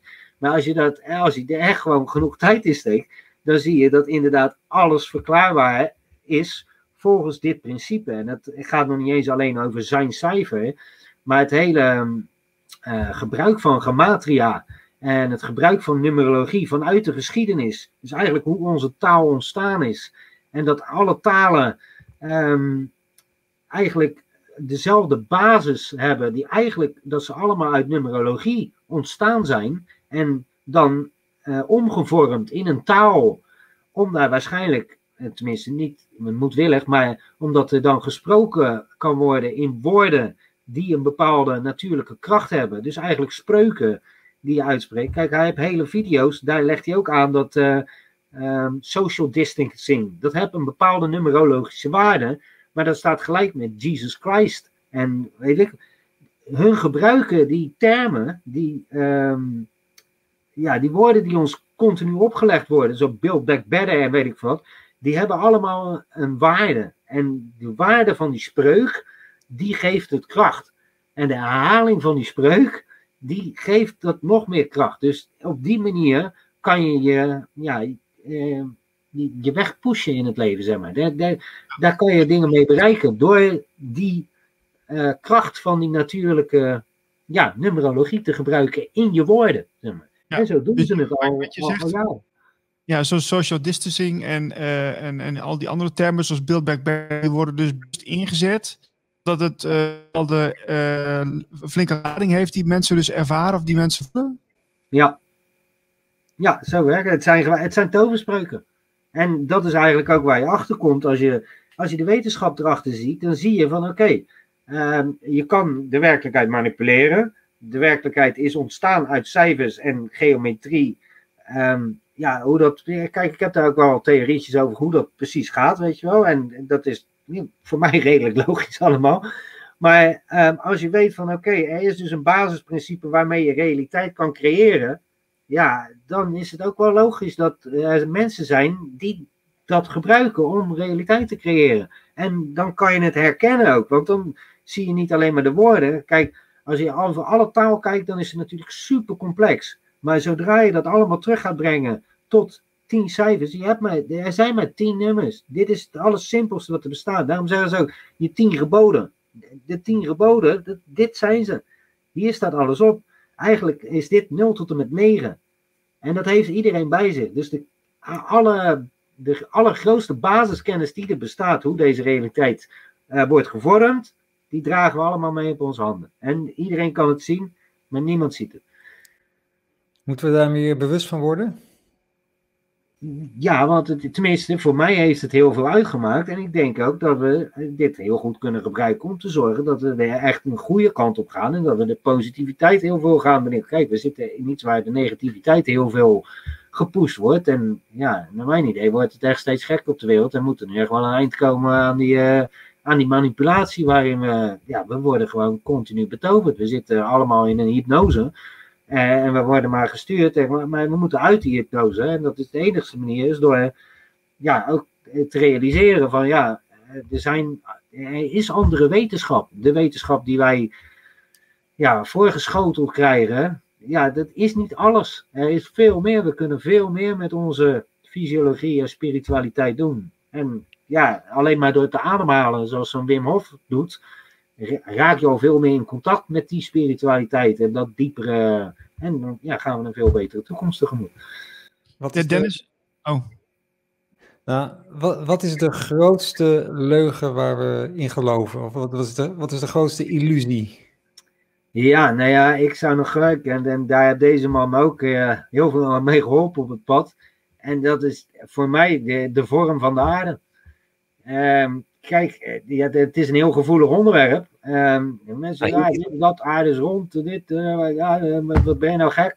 Maar ja, ik heb daar heel veel onderzoek naar gedaan. Ik ben er echt jaren mee bezig geweest om daarachter te komen. Ja, en ik denk dat dat inderdaad de grootste illusie is. We weten nog niet eens waar we leven, wat we, en daardoor komen we er niet achter wat we zijn en hoeveel kracht we hebben. Kijk, zodra we erachter komen dat wij eh, het centrum van het universum zijn en niet maar een spakje in het universum, maar dat alles draait om ons en dat wij het centrum zijn, de mens, dat wij met ons bewustzijn en deze ervaring realiseren dat wij het centrum van alles zijn, dan kom je erachter van, ja oké, maar dan moeten we ook zo vreselijk veel kracht hebben eigenlijk, of dan, wat zijn we dan, weet je wel, wat kan ik met me systeem. Hoe kan ik mijn systeem zo maken dat ik er wat mee kan doen? Dat is het meeste waar mensen op zoek naar zijn, waar ik ook naar op zoek ben gegaan. Van oké, als ik dan zo'n krachtig ding ben, dan moet ik er ook wat mee kunnen doen. En ja, het is moeilijk om te zeggen. En ook mensen die verklaren je gelijk voor gek en die schuiven je af als dingen. Maar ja, uh, ik ken elke discussie ken ik aangaan. En er is nog echt geen enkel mens die ja, mij met normale dingen heb kunnen overtuigen van ah, je hebt het echt fout. Want ja, die aarde die draait rond als een gek en die spuit door, de, spuit door het universum. En ja, dat is het. Daar zit je op en daar moet je het maar mee doen. Hé, hey, ik geloof dat gewoon niet. Dennis, je had het net over de manipulaties. Hè? Uh, uh, hoe komt het dan dat jij. Uh, nou, misschien, ik ga de vraag eens even anders stellen.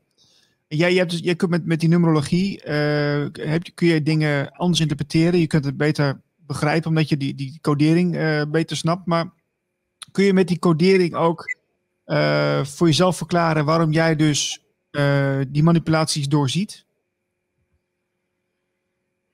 Um, nou ja, kijk, um, ik had laatst ook een gesprek met iemand. Het is eigenlijk het, de enige manier om die manipulaties te doorzien, is dat je je comfortzone verlaat. Ik heb op een gegeven moment in 2016, 2017, heb ik gezegd, eh, ik, kan dit niet meer, kan niet meer zo functioneren in dit leven. Dit is voor mij, um, ja, er klopt te veel niet. Ik ga er helemaal uit, zeg maar. Ik stap uit mijn comfortzone. Ik stop met alles. Het interesseert me allemaal niks meer. Ik heb geen interesse meer in geld of dit of dit. Het interesseert me allemaal helemaal niks meer. Ik wil de waarheid weten. En dat is de enige manier hoe je door die manipulatie heen komt. Want dan accepteer je een ander standpunt en dan ga je open worden. Dan open je je mind voor andere informatie. Dan komt alle informatie naartoe. Want het enige hoe je die informatie krijgt is door je open te stellen, zoals ik net zei. Want als je gesloten blijft, dan, dan kom je er niet, dan krijg je het niet. Dus ja, dat is het enige waardoor je ja, uit de manipulatie komt, is door er zelf uit te stappen en stoppen ermee erin te geloven. Ik heb op een gegeven moment tegen mezelf, ik ben zoveel dingen tegengekomen, net zoals over de vorm van de aarde en weet ik veel wat ja, ik zag op een gegeven moment zoveel filmpjes van uh, astronauten aan touwtjes en dingen. Ik denk, ja, maar dit kan toch niet? Dit kan toch niet dat we daar gewoon allemaal. Waarom, waarom heb ik dit nog nooit gezien? Waarom, hoe, hoe kan dat dat het zo is? Dan ga je echt goed kijken van, nou, dan moet ik het op, uh, op het basisniveau moet ik het gaan onderzoeken. En dan moet je de enigste dingen waarvan je weet wat echt is, dan kan je alleen daarop vertrouwen. Nou, het enigste wat ik vond wat echt was, is de natuur. De natuur, dat groeit en dat doet, maar daar kunnen we niks aan, daar kunnen we niks aan veranderen. Dat is er gewoon. Dat zijn wij zelf ook. Wij zijn een natuurproduct. Nou, als je kijkt naar natuurlijke uh, vormen van groei en dergelijke, kom je alweer uit bij de geometrie. Want dat zit allemaal in hoe een plant groeit. Die groeit via de phyllotaxis, heet dat. Dat is 137,5 graad. En dat doet hij omdat hij dan altijd zon krijgt. En, um, volgens die wetenschap, en dat is ook bij Pythagoras en dergelijke met beter volgens die wetenschap, daar kan ik op vertrouwen. Dat is echt, kijk, een driehoek is altijd een driehoek, zal nooit een vierkant worden. Dus daar kan je op vertrouwen. Want hij heeft maar drie punten en er zijn maar drie verbindingen tussen die lijnen. Dus ja, dat is een driehoek en klaar. Dus dat is keiharde natuurlijke waarheid. En ja, als je die natuurlijke waarheid aanhoudt, dan ging bijvoorbeeld het is heel erg simpel, want als je gaat uitrekenen, um, heb ik het weer over die, die platte aarde, misschien een beetje te gevoelig, maar als je dat gaat uitrekenen, de aarde is 40.000 kilometer in de ronde, dus dat is een cirkel met een omtrek. Dus dat is een geometrische vorm, dat kan je uitrekenen. Dus als je dat gaat uitrekenen, dan zie je inderdaad van, nou, als ik op zo'n cirkel zou staan, dan zou ik elke kilometer zou ik een verloop moeten hebben van 8 centimeter. En dat gaat exponentieel omhoog omdat anders kom je nooit rond en dan kan dat ding nooit rond zijn. Nou, dat is in de werkelijkheid, kan je dat nergens, is dat niet te vinden. En dat is gewoon 8 centimeter per kilometer. Maar er is nog nooit één wetenschapper geweest die dat uit mij heeft kunnen meten of kunnen zien. Waarom? Omdat het er gewoon simpelweg niet is. En als er geen ronding is te meten, dan is die er niet. Want ja, in de natuur zou het, het, het moet meetbaar zijn, toch? Hoe zit het dan met de piramides? Want die zijn, die zijn toch wel op een bepaalde manier uh, neergezet. Uh, met een bepaalde, ook weer geometrische codering. Met de, de, uh, via, met de omtrek van de aarde. Dan zou die dus wel rond zijn als we de piramides bekijken. Ik zou niet weten waarom die met de omtrek van de aarde. Die, die, volgens mij staan die dingen die staan gelijk in lijn met de sterrenbeelden van Orion, toch? Orion's Belt. Ja, dat is hoe ze die dingen neergezet hebben. En ja, dat heeft volgens mij helemaal niks met de ronding van de aarde te maken. Oké. Ken, jij, ken jij MMS? Zegt iemand in de chat. Rogier Patriot zegt dat. Miracle Mineral Supplement. Supplements, ja. Hij zegt erbij chloordioxide. Chloordioxide, ja. Dat is een heel goed middel tegen van alles. Ja, dat is al heel oud. Is van Jim Bean heet hij geloof ik, die man. Of, die heeft dat uitgevonden toen hij uh, op safari was, geloof ik, met een vriend van hem. En zijn vriend kreeg malaria. Uh, hij was toen een middeltje hadden ze bij zich om onzuiver water, dus, rivierwater, om dat drinkbaar te maken. zijn vriend had malaria, daar, ze waren allemaal verlaten, weet ik veel. Hij gaf dat, dat drankje aan hem en zijn vriend knapte op van die malaria. Hij is dat toen meer verder gaan onderzoeken. En dat bleek dat dat door het chloordioxine kwam, inderdaad. Chloordioxine, um, de werking van chloordioxine in je lichaam is volgens mij dat het een, een positief, um, uh, positieve pol te veel heeft. Dus je hebt verschillende elektronen en dan heb je één positieve te veel. Uh, dan gaat hij in je lichaam op zoek naar al je pathogene cellen, want die hebben één uh, positieve te weinig. En doordat die chloordioxine bij die pathogene cellen komt, ook kankers en dergelijke, um, komt er een explosieve reactie tussen die uh, positieve lading en het ontbreken van die positieve lading. Uh, dat vormt zich volgens mij gewoon om tot natriumchloride, dus keukenzout. En daardoor is de, het pathogeen vernietigd. Dus, en ja, eigenlijk is het heel simpel, want als je kijkt naar een zwembad, waarom gebruiken we in zwembaden zoveel chloor en weet ik veel wat? Dat komt omdat wij niet willen dat daar bacteriën en kankers en weet ik van wat gaan groeien. Daarom maken ze die zwembaden allemaal schoon met chloor, chloordioxide. Maar in ons lichaam zou het dan heel erg slecht wezen. Ja, die man die heeft gewoon uitgevonden van, nou oké, we hebben een chemische substantie. Als je dat toetje neemt, ja, dat is gewoon hartstikke goed reinigend voor je lichaam. Werkt ook gewoon. Uh, ja, dus ja, dat is MMS eigenlijk. Oké, oké. Dennis, ik heb een uh, vraag, want we hadden in het voorgesprek voor deze uitzending ook eventjes uh, wat leuke dingetjes besproken. Want we hebben een van de terugkerende items in het programma is de, de, de UFO en de graancirkel die we even laten zien. Uh, ja, Marlijn, je hebt geen UFO's en graancirkels, maar we hebben wel een verhaal. Want Dennis heeft vertelde dat jij een keer een UFO gezien hebt, hè? Nou ja, ik heb een keer een verschijnsel gezien van uh, meerdere vliegende objecten waar ik heel erg uh, van onder de indruk was, ja. En wat volgens mij alleen maar in de categorie uh, UFO's kan vallen, want ja, ik had nog nooit zoiets gezien. En, ik was met iemand samen, dus het is ook niet dat ik het, ja, dat, dat ik het verzin of weet ik wat. Maar ja, ik stond op een gegeven moment, wij zaten ergens, was bij Zevenhuizenplas hier zo, bij Rotterdam. En ja, we zaten op een parkeerterrein en er kwamen ineens een hele grote, ja, stuk of twaalf licht of zo in een V-vorm. En ja, die kwamen vanuit, vanuit de verte naar ons toe, gevlogen op een of andere manier. Ja, op een gegeven moment zaten we zo naar elkaar te kijken van, hè, wat is dat nou? En bij mij was het zo erg zelfs dat ik door onbegrip of door, ja, door de ervaring, dat gewoon de tranen over mijn wangen rolden eigenlijk. Van, dit kan helemaal niet, weet je wel. Dit is echt, ja, misschien uh, eh, 25 jaar geleden geloof ik of zo. Maar... Dus dat was mijn ervaring met UFO's inderdaad. Dan moet ik zeggen, daarna heb ik nog nooit meer wat gezien. Maar was je, je was toen nog niet zo wakker als nu? Helemaal niet, nee. Ik ben pas echt, uh, nou ja, 2016 is voor mij eigenlijk, ben ik naar de andere kant gaan kijken. Tot die tijd heb ik me gewoon helemaal uh, de pokken gewerkt als timmerman. En eigenlijk alles in het systeem uh, ja, proberen te doen om te zorgen dat je ja, je dingetje hebt wat je denkt dat je nodig hebt op dat moment. Uh, ja, en eigenlijk is het pas vijf, zes jaar geleden begonnen dat ik echt me ben gaan interesseren voor die dingen. Ja. Maar toen had ik dat wel in mijn broekzak. Dus ik wist wel dat er dingen waren die ik niet kon verklaren, zeg maar. Ja, dat is misschien ook wel een dingetje wat je wat meer openstelt. Ja. Marlijn, je wilt iets vragen? ja, ik, wil, eh, ja, ik wil heel veel vragen, maar uh, ik weet niet of het heel goed te zien is hoor. Dit is een filmpje uit 1996. En dat, gaat, eh, dat doet de ronde. Dus ik denk, misschien kunnen we er even naar kijken. Het kan fake zijn. Misschien is het helemaal niet uit 96 uh, en is het allemaal getrukt. Dat kan allemaal.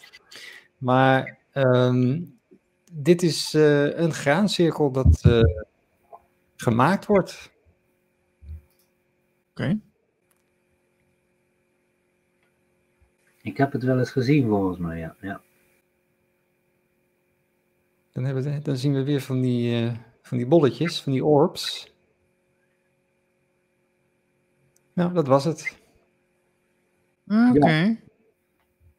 Ja, wij, wij hebben natuurlijk al een beetje als grap in het programma uh, dat, we, dat, we, uh, dat wij heel persoonlijk gebriefd worden door de NOS. Want de NOS die speelt er naar mij door dat we dus uh, dat om half vier ochtends weer uh, een, een, groepje jongeren uh, het veld in zijn gaan. Om, om natuurlijk ja, zo'n graancirkel te maken.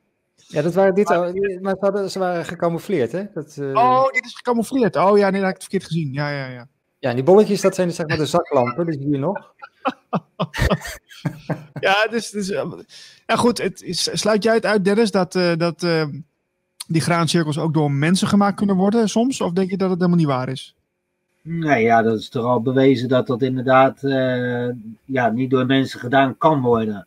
Ik bedoel, als je uh, Janet Osselbaard, die ken je waarschijnlijk ook wel. Dat is een uh, oude graancirkel, tenminste die doet dat nog steeds volgens mij. daar heb ik ook wel ook van gezien. En je ziet dat die, de groei van die stengels, dat die geknikt die is niet geknikt, die is vergroeid. Er is, een, er is een bepaald proces daar bezig geweest om te zorgen dat die, dat die planten uh, ja, op die manier gingen leggen. Dit, dit, is gemanipuleerd.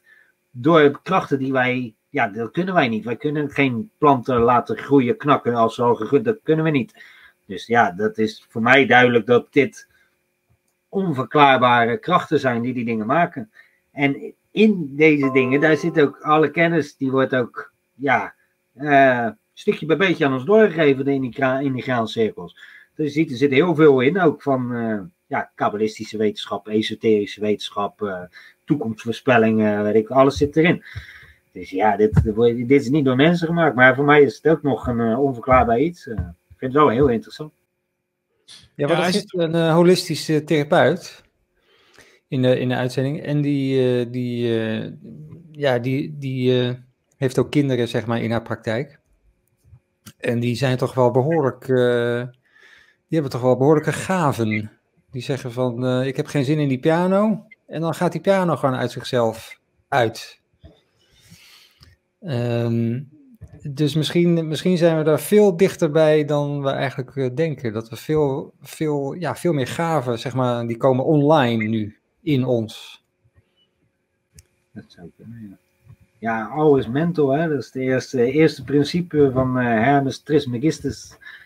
Uh, brengen van alle wijsheid. En, uh, dus ja, ja, je hebt basisprincipes. Het eerste basisprincipe is always mental, dus eigenlijk is alles gedachte. En ja, vanuit je gedachten kan je ook alles manipuleren. Dat is een beetje wat Wim Hof ook. Je moet doordringen tot je allerdiepste gedachten en je diepste zijn dan daar kan je alles, maar op dat level kan je alles manipuleren. Kan je eigen genezen. Dan kan je waarschijnlijk ook zulke dingen doen. De piano uitzetten. En, wij hebben die kracht. We zijn een uh, elektromagnetische antenne. En daar kunnen we heel veel mee doen als we weten hoe het moet. Ik moet eerlijk zeggen, ik weet het ook niet hè, hoe het moet. het is niet dat ik, uh, nee, ja, dat zijn dingen. Ik zou er wel graag achter komen. Want het lijkt me wel handig om zulke dingen te kunnen. Maar ja, nee, precies. Ik, ik, ik vraag me ook alles af. Hè, van de, uh, uh, sommige mensen hebben dat, dat ze, dat ze dus downloads ontvangen. Hè. De, heb, je, heb je dat ook? of heb je soortgelijke ervaringen? Um, nou ja, ik denk wel dat de dingen die um, ja, je gevoel en dat er dingen ingezonden worden. Alleen ja, daar moet je voor openstaan. Ik, kijk, als ik terugkijk op mijn leven, dan um, ja, zie ik nu eigenlijk elke keer dat er wel een moment is geweest dat er bij mij iets heel erg duidelijk gemaakt werd, maar dat ik daar overheen gestapt ben, zeg maar. Dat ik dat niet heb gezien, of dat ik ja, daar geen aandacht aan besteed heb. Maar ik denk daadwerkelijk wel dat je leven uh, bestuurd wordt op een bepaalde manier. Dat je bepaalde situaties of ervaringen voor je krijgt. En het is aan jou, aan je, aan je wil en je, jij hebt de keuze om zoiets te volgen of om zoiets niet te volgen. En dat ja, maakt een beetje je pad in het leven, denk ik. Denk je ook dat we, dat we allemaal uh, dit hiervoor gekozen hebben voor, voor, voor, voor een bepaalde ervaring in, in dit leven? En dat je, dat je eigenlijk een soort van uh, taak. hey, Niels is bevroren. Zeg dat nog eens. Hoor, hoor je me nu wel weer? Oh. Ja. Uh, ja, uh, mijn vraag was van, uh, denk je dat we allemaal een soort taak hebben te vervullen in het leven? Dat je, dat je een soort opdracht hebt allemaal? Of denk je dat het, dat het niet zo is? Um, ja, ik denk dat het, het is waarschijnlijk een groot samenspel van, um, ja, van oorzaken en gevolgen. Ook dat je, ja, of het nou daadwerkelijk um, ja, in het begin van ons leven een takenpakket meekrijgen... Dat weet ik niet. Ik denk meer dat het leven uh, een soort continue zoek naar balans is. En ja, als ik met miljarden mensen ben natuurlijk, iedereen maakt eigen keuzes. En met elke keuze, er, er is een oorzaak en een gevolg natuurlijk. Dus het wordt een heel groot samenspel van ja, miljarden keuzes en, en gevoelens die geuit worden. En, um, ja, of Um, of we nou daadwerkelijk een opdracht hebben gehad, of dat we ja, ergens voor in de wieg gelegd zijn, ja, dat, dat weet ik niet zeker. Maar ja, misschien dat er ook uh, de, de tijd waarin je leeft, zeg maar, dat er ook, er zit natuurlijk ook een bepaalde ja, fluctuatie in hoe het leven gaat. En de ene moment kan je meer creëren en dan wordt er meer vernietigd. En de andere keer wordt er meer vernietigd. Kan meer ik denk dat het allemaal met elkaar te maken heeft en dat deze re realiteit daarop gebaseerd is. Um, en dat het zo ook allemaal kan voortbestaan. Het, het moet eigenlijk wel zo complex worden om het weer om het te laten uh, doorgaan, zeg maar. Uh, om het oneindig te maken, laten we het zo zeggen. Denk ik. Ja, ja, ja. Ik denk altijd dat uh, als je een plan hebt voor je leven, dat je als je daar achterkomt op een gegeven moment. Van, oh, dit, dit, uh, dit is mijn missie hier, dit moet ik doen. Dat je op, de, op dat moment zie je heel veel, want daar moest ik net aan denken toen jij het over uh, het getal 22 had. Dan ga je allerlei synchronicities zien. En dan ga je dus ook bepaalde nummers en nummercombinaties kom je dan telkens tegen? Dan ga je de klok elke keer eh, op 11.11 zien staan. En, maar, Ja. Nee, dat heb ik al jaren. En mijn vrouw die werd er helemaal rek van. En die zei, kijk, kijk staat, staat hij weer. Ja, ja, dat is normaal man. Ik zei, luister, ik, zeg dit nou al jaren tegen je. Want dit kan toch geen toeval. Ik zeg, heb jij het ook elke dag? Ik zeg, zie je ook vijf keer dubbele tijden? Ik zeg, dat kan toch niet? Ik heb het zelfs op de magnetron bij ons in de keuken. Die staat niet eens gelijk met de normale tijd. Dus die loopt gewoon, ja, altijd op zijn bonnefimer, hè. Maar als ik daar kijk, dan het is altijd dubbel. Ja, het is heel raar hoe dat in je leven wordt geïntroduceerd en hoe je dat ineens ervaart. Maar ja, er zijn ook mensen, eh, ja, die hebben dat, ehm, die zijn er tegengekomen, 11-11. Eh, die zijn de huis en hart verlaten en die hebben nu in Afrika een opvang eh, voor eh 700 weeskinderen opgericht. En ja, het schijnt toch wel wat, wat spiritueels, wat, wat, wat die verbinding. En dat is eigenlijk ook het enige wat ons kan verbinden met dat spiritualiteit. Dat zijn die nummers. Die nummers die vertellen ons eigenlijk ja, tussen de regels door, of ja, als gecodeerd iets, vertellen ze ons over die spiritualiteit, over die connectie die we, die we hebben met, ja, met wat? Zeg maar, met ja, een God, een eh, creator, een oneindige intelligentie. Want het Ja. is zo intelligent dat wij het niet kunnen begrijpen. Maar ja, ehm, eigenlijk als je kijkt waar, hoe we gemaakt zijn met onze tien vingers, dan kan je het wel begrijpen. Want ja, ik wil daar nog wel wat over zeggen, over die handen. Want ik denk dat, eh, dat ik hier iets op kan laten zien wat eigenlijk niemand weet en wat eigenlijk heel erg bijzonder is, dat we daar nooit naar kijken. Eh, ik ben met die Marty Leeds ben ik heel veel in dat eh Kabbalah gegaan ook. Die hebben het over Kabbalah en dit en dat. Dan heb je het al gauw over het Joodse geloof. Maar het blijkt dat Kabbalah helemaal niet puur Joods is. Maar gewoon door, ja, sinds het begin der tijden al aanwezig is geweest. Kabbalah betekent eigenlijk ook de kubus van God. Kabba en Allah. Kabba is kubus, Allah is God. Dus de kubus van God. Dat is weer die geometrie die daarin eh, in terugkomt. Maar als je nou simpel kijkt naar hoe wij tellen in onze, ehm, ja, met onze gewone nummers. We gaan van 0 tot en met 10. Ehm, eigenlijk als je naar Chinese telling kijkt met zijn telraam. eh, dat legt het al een beetje uit. Want als je, eh, je hebt 0 tot en met 9. Als je 1 en 0 hebt. En in kabbalistisch rekenen zeggen ze dan. Als je dubbele cijfers hebt. Dus een meervoudig ehm, cijfer. Dan kan je die twee bij elkaar optellen. Om hem te vereenvoudigen. Dat is een hele simpele basisregel. En dat is eigenlijk een beetje re- creatieve regel. Wij zeggen, well, ja, dat kan niet, want dat is geen wetenschap. Dat is niet linker hersenhelft. Maar het doel is om die balans te vinden. Dus we moeten met twee hersenhelften gaan denken. Als je 1 plus 0 hebt, is het weer 1. Als je eh 11 hebt, dus 1 plus 1 is weer 2. 12 is weer 3. 13 is weer 4. Eh, zo loopt dat door tot en met 18 is weer 9. En 19 is 1 plus 9, is weer 10, is weer 1 plus 0, is weer 1. En dat gaat oneindig door. Dus eigenlijk, eigenlijk hebben we alleen 0 tot, met, tot en met 9. En vanuit, van die getallen, die, we kunnen alles wat daarna komt, kunnen we vereenvoudigen totdat het terugkomt op die getallen. Dat is duidelijk, toch? Ja, dat snap ik. Ja, ja. zeker. zeker. Oké. Ook een, tru een trucje, ook daarvoor is nog. eh, de 9 hoef je nooit mee te tellen. Nee, dat is een kabbalistische eh, regel inderdaad. You can cast out the nine. En Ja. dat, dat, dat, dat is gewoon echt een, dat staat in het ja, eh, kabbalistisch rekenen. Dat is een, eh, de rule, is dat de rule of Colel, geloof ik? Dat is met een nul, geloof ik. De rule of Colel is met een nul, maar de negens kan je inderdaad in een vermenigvuldiging, kan je die weg. Zal ik je wat stellen? Want de 9, dat is zeg maar de, het hoogste getal van die 0 tot en met 9. Dus de divine 9 noemen ze dat. Zeg maar. maar als je je 10 vingers hebt. Ik weet niet of ze goed in beeld zijn nu. Ja, ze hebben 10 vingers. Als je zeg maar. Oh, nou, doe ik in met die. Doe ik één keer. één keer 9. Is 9. Ja?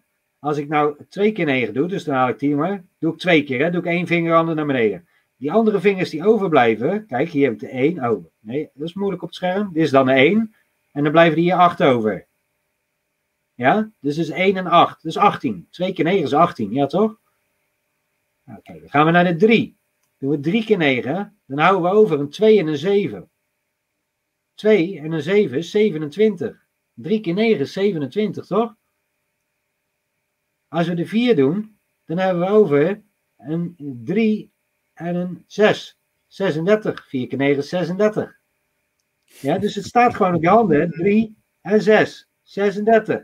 Dan doen we 4 keer. Oh, wacht even, dan moet ik terug. hebben we 45. Ja, doen we vijf keer, hebben we 54. Doen we, uh, zes, waar zat ik nou? Zes keer, 54.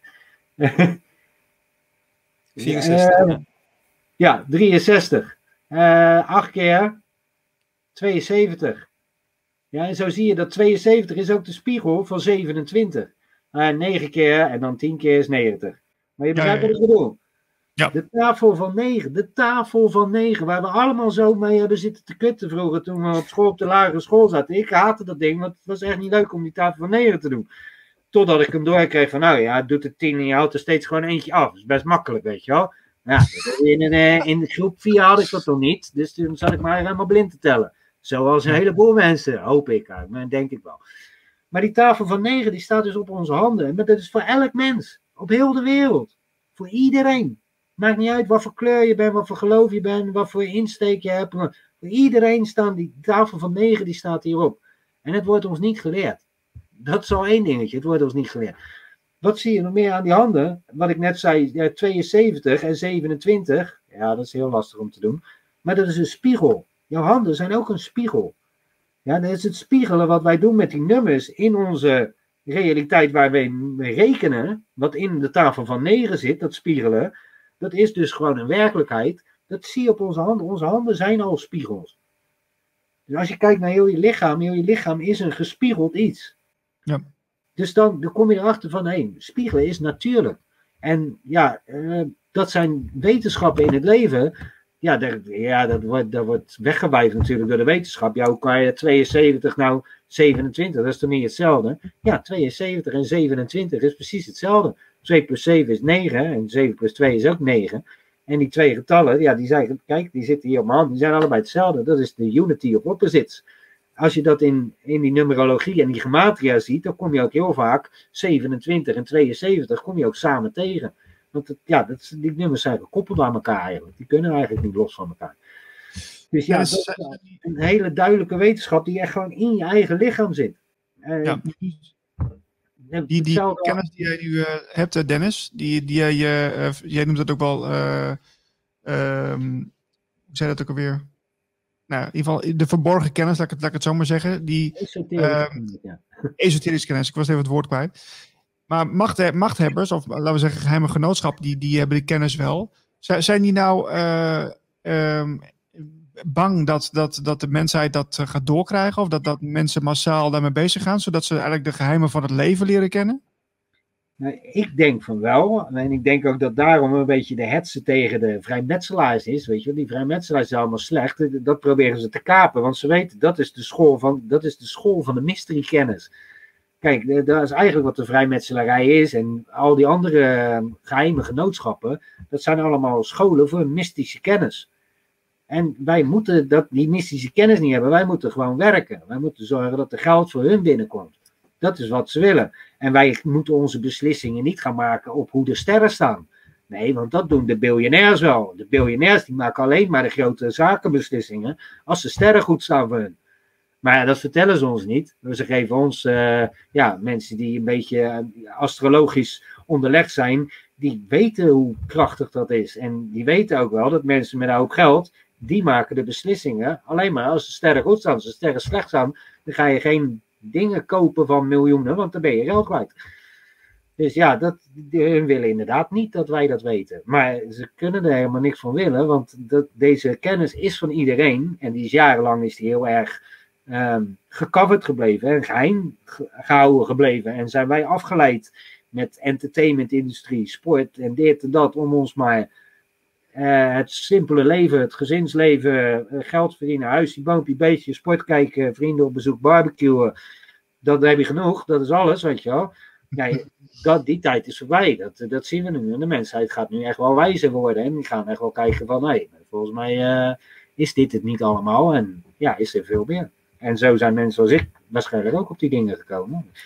Ja.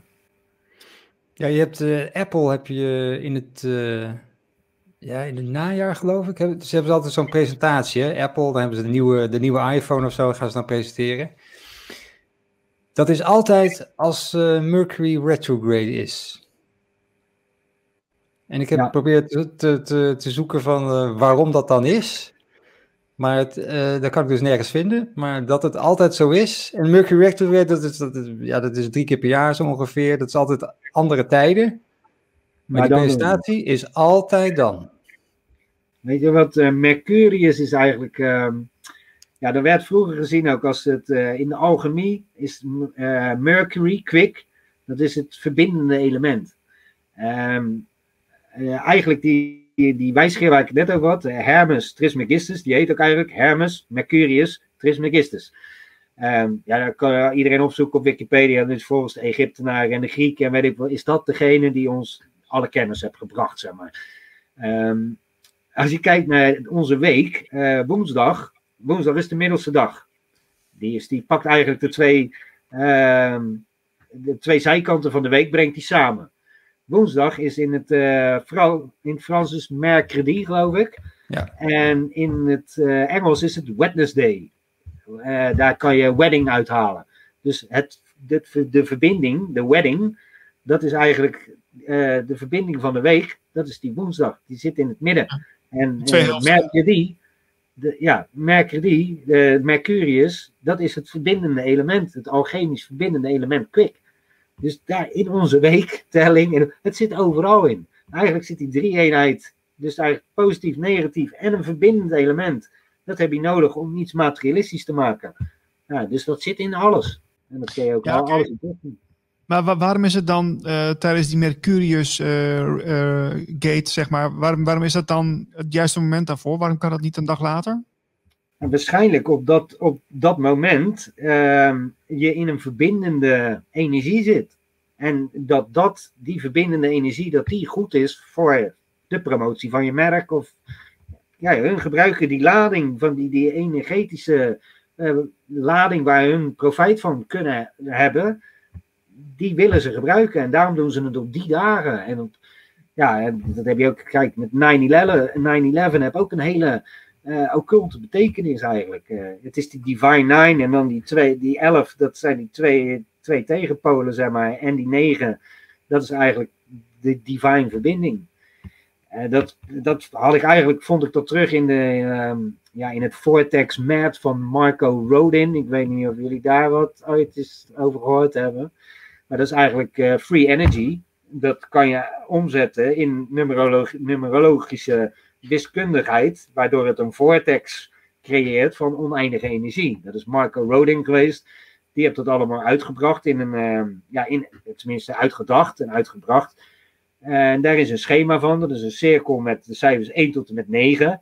En daarin zijn uh, eh, 1, uh, ja, daar zit een verdubbelingsprincipe. De 8 infinity, 8 zeg maar. Dus 1 verdubbeld is 2, 2 verdubbeld is 4, 4 verdubbeld is 8. 8 verdubbeld is 16. Maar eigenlijk is 16 dus weer 1 plus 6, dus dat is 7.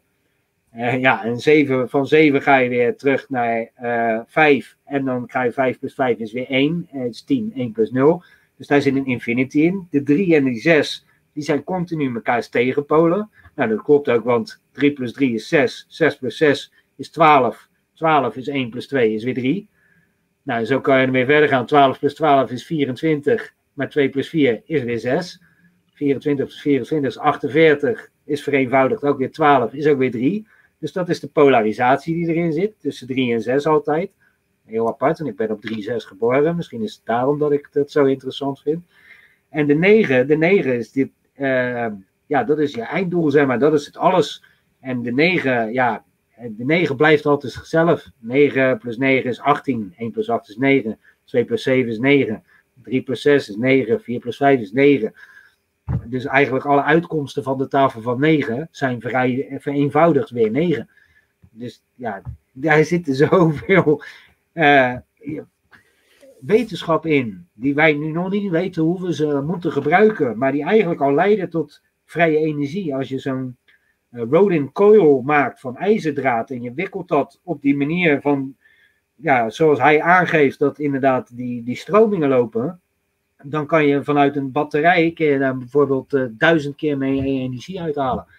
Want het versterkt zichzelf. En ja, dat zijn allemaal technologieën, die worden allemaal weggedrukt en daar krijgen we nooit wat over te horen. Maar het is gewoon wiskundig, is dat helemaal berekenbaar allemaal. En het is er al gewoon. Al die berekeningen die zijn er al, het is al allemaal uitgevonden. Het bestaat er allemaal, we hoeven niks meer uit te winnen. Dus alleen moeten het gaan toepassen. Dat is het enige. Oké, oké, oké. Ehm, interessant. Dus uh, zijn er nog dingetjes in de chat gekomen, Marlijn?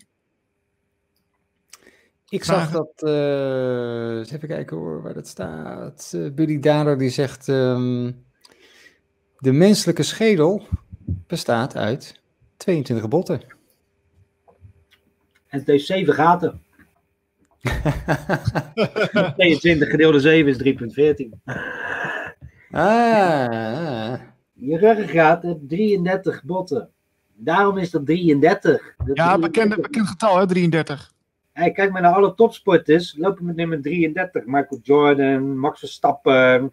Allemaal nummer 33. Waarom? Waarom? Hebben ze toevallig allemaal als geluksnummer 33? Nee. Mm, mm. Ze maar, weten dat er zit, esoterische krachten zitten daarin. Marlijn, je hebt ook uh, op Twitter heb jij uh, een tijdje bijgehouden dat er in heel veel artikelen in het nieuws uh, steeds het getal 33 kwam. Hè?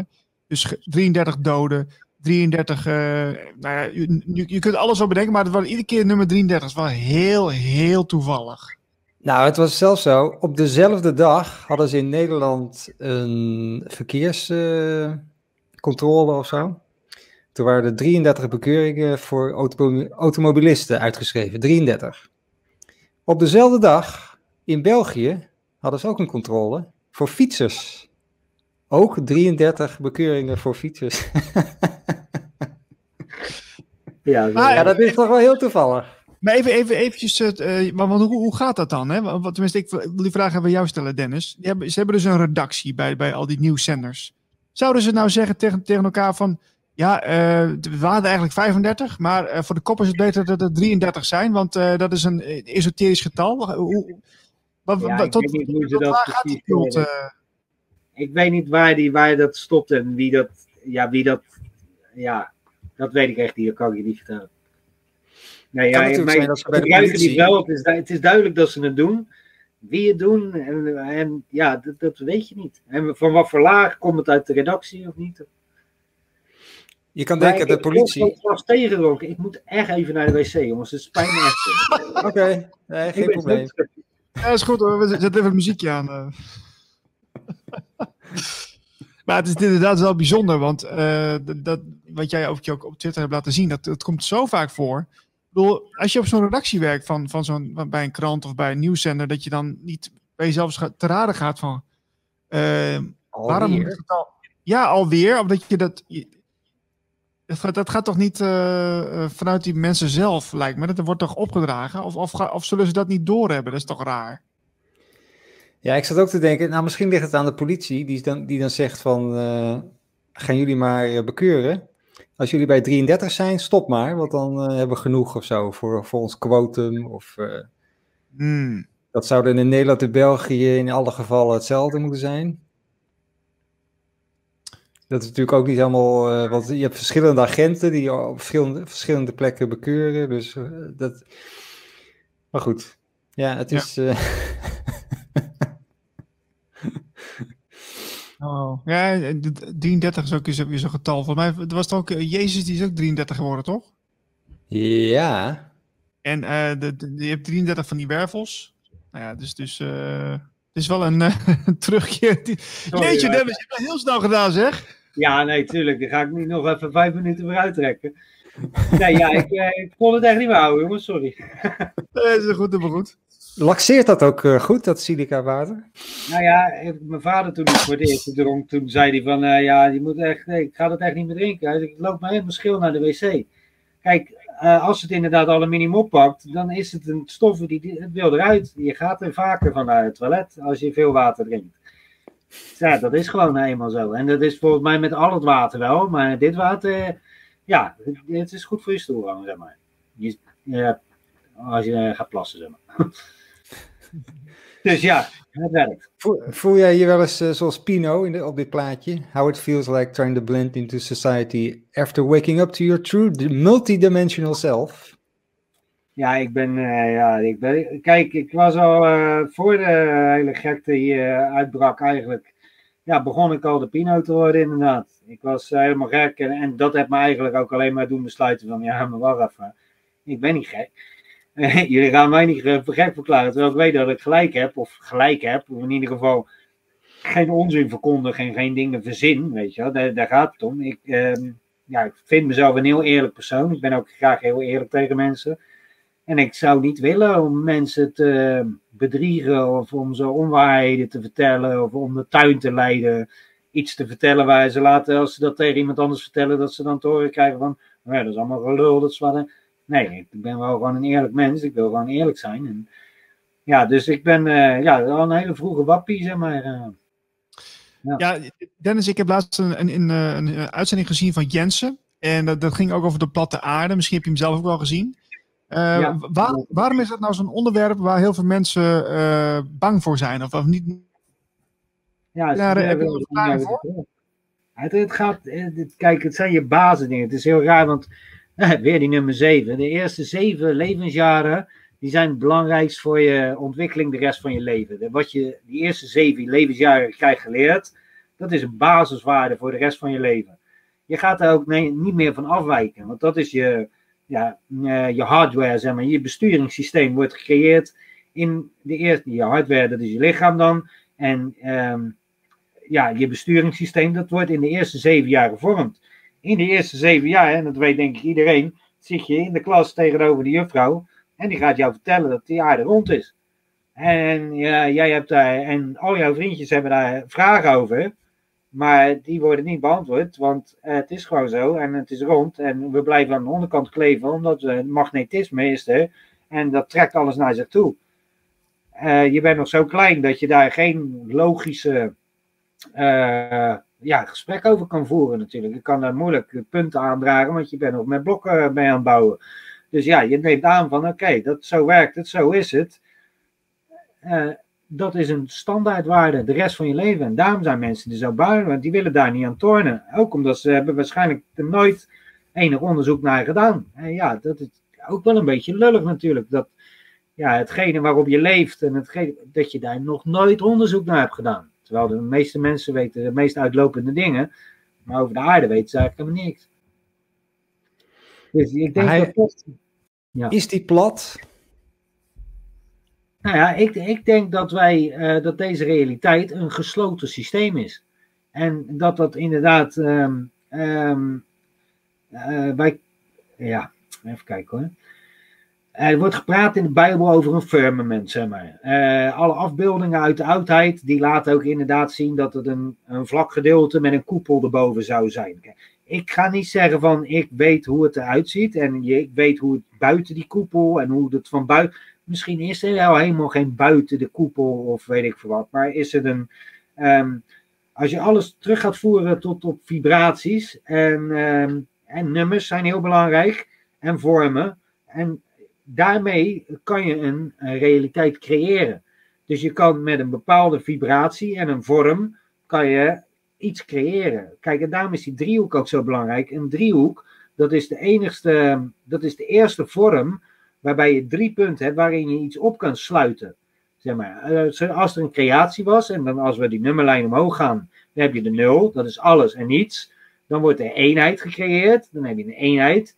En daarna krijg je een verdubbeling, zodat je twee hebt, zodat die één kan ook naar zichzelf kijken. Zodra die 1 en die tweede zijn, dus heb je al 0, 1, 2, 3 heb je al gehad. Of 0, 1, 2 heb je al gehad. Zodra je bij de 3 komt, heb je um, niet meer één punt, niet meer twee punten, maar dan heb je drie punten in die cirkel, zeg maar. En dan kan je dus iets opsluiten. En dat is het begin van de materie. Dus alleen met drie punten, daar kan je uh, de ma materiële wereld in. Nou, als je dan inderdaad gaat kijken, dan heb je 3, 4, 5, 6, 7, 8, 9. Dan heb je dus zeven materiële principes.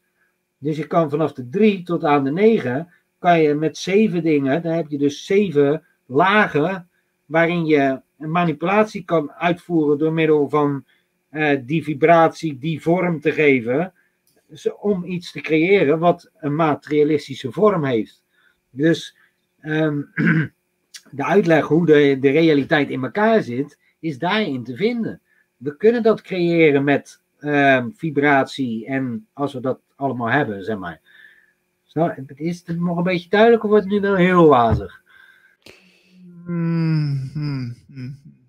Buddy in, de, in de chat zegt: Ik wil wel geloven dat de aarde plat is, maar hierdoor weet ik het nog niet. Maar eh, we weten het dus allemaal nog niet. Nee, het gaat erom wat je ervaart. Kijk, wij, wij, wij kunnen alles ervaren. Wij zijn degene die het moeten interpreteren. En wat wij interpreteren, wij kunnen vanaf de aarde nooit zien dat een aarde rond is. Dat kunnen we niet zien, dat weten we. Ook al gaan we 40.000 feet omhoog, en dat zegt uh, Robert Jens ook, er is geen piloot die ziet dat de aarde rondloopt. Dit bestaat gewoon niet. Dat kan niet, zeggen ze, dat bestaat niet. Maar vanaf die hoogte zou je dat al lang moeten zien. Kijk, ik heb natuurlijk een heleboel van die dingen onderzocht. Als je vanaf een bol, als je omhoog zou gaan, dan zou je horizon zakken. Ja, als je hier op aarde omhoog gaat, blijft de horizon altijd op ooghoogte. Dat, dus ja, wat dat, dat kan al niet. Als je kijkt naar uh, het verschil tussen onze atmosfeer en de atmosfeer in de ruimte. Uh, dit is een natuurlijk principe dat energie verplaatst zich van uh, warm naar koud of van hoge druk naar lage druk. Dat is een natuurlijk principe. Dat, hebben we, dat is, zit in alles. Behalve dan bij onze aardbol, waar we een ruimte hebben en een atmosfeer die naast elkaar, een vacuüm en een atmosfeer die naast elkaar kunnen bestaan zonder dat er een afscheiding is. Is natuurlijk onmogelijk. Je kan geen vacuüm hebben als er geen, geen uh, omhulsel is. Dat kan niet. Dus wij zouden een schil om die aarde moeten hebben waar we niet doorheen krijgen en buiten de ruimte. Maar ze zeggen nee, dat verloopt heel langzaam, steeds minder moleculen totdat er helemaal niks is. Maar in de natuur, als wij gewoon bij ons thuis en het is in de woonkamer, is het lekker warm en ze doen de buitendeur open en je doet, zodra je de deur open doet, dan gaat alle warmte, die gaat gelijk naar buiten. Dat is een natuurlijk principe. Dat balanceert zichzelf. Dat hebben we dus overal in onze werkelijke omgeving. Behalve tussen de scheiding van onze aarde en de ruimte dan, zeg maar. Daar bestaat dat niet. Dat is natuurkundig, is het gewoon onmogelijk. Maar wij geloven er allemaal in dat het wel zo is. In een natuurlijke onmogelijkheid. En dat is een beetje waar ik achter ben gekomen. Ja, maar die dingen die kloppen allemaal niet gewoon. En er zijn, er zijn geen logische verklaringen voor. Nee. Zeggen, ja, dat, dat is dan de ozonlaag of weet ik veel wat. Maar dat is ook gewoon een gaslaag. En gassen, die, die, die vermengen zich gewoon. Dat, dat gaat gewoon zo. Dus ja, wij moeten in principe in een gesloten systeem zitten. Anders kunnen wij geen druk hebben, kunnen wij geen atmosfeer hebben. Maar als we, als we, in, een, als we in een gesloten systeem zitten, uh, zijn we dan wel uh, op andere planeten geweest, denk jij? Of, of dat ook niet? Planeten? Ja, wat zijn planeten? Kijk, alles wat wij, wat wij uh, doorkrijgen is van, ja, dat is een planeet. Dat is een, een stuk aarde of een stuk ijzer wat daar zweeft, of rond zweeft. Weet je het zeker dat het zo is? Ik, wat naar mijn uh, onderzoek, wat ik, waar ik achter ben gekomen, dat een van de basisprincipes is as above, so below. Dus eigenlijk is alles wat wij hier hebben, is hetzelfde als uh, wat er boven in de ruimte is dan, zeg maar, de sterren en dergelijke. Dat zijn volgens mij de energieën die ook hier op aarde zijn te vinden. En dat is ook wat ze met de piramide van Giza hebben willen vertellen. Die dingen die zijn gebouwd naar die Orion's Belt, naar die drie energievelden die daar zitten, die hebben we op aarde hebben we die teruggebouwd om die verbinding te laten zien. En het is ook wel heel apart als je denkt dat de aarde zo keihard door de ruimte heen gaat. En ja, diezelfde drie sterren, die, daar, die staan nog steeds, dat heeft nog steeds verbinding. En ondertussen draaien we alle kanten op, schieten we door de ruimte, gaan we overal naartoe. Maar dat, we blijven altijd hetzelfde zien. We blijven altijd dezelfde sterrenstelsel zien. Die draaien allemaal op hetzelfde, op het, ja, we, ja, we gaan nergens heen. we zitten hier gewoon en dat speelt zich boven ons af in een cyclus continu. Dat is wat wij ervaren en wat wij zien.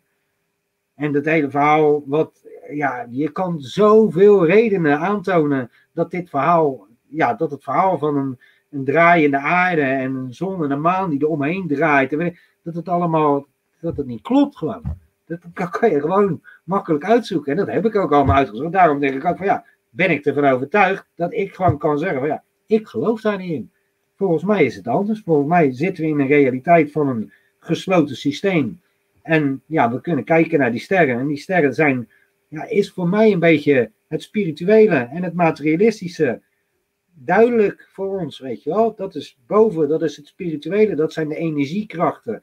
En hier op aarde hebben we het materialistische. Ja, dat is gescheiden, maar het is eigenlijk ook één. De unity of opposite, zeg maar. Hoe denk jij erover, eh, Marlijn? Ja, misschien, doe ik, uh, misschien uh, denk ik niet te simpel. Maar de aarde is zeg maar je ene hand.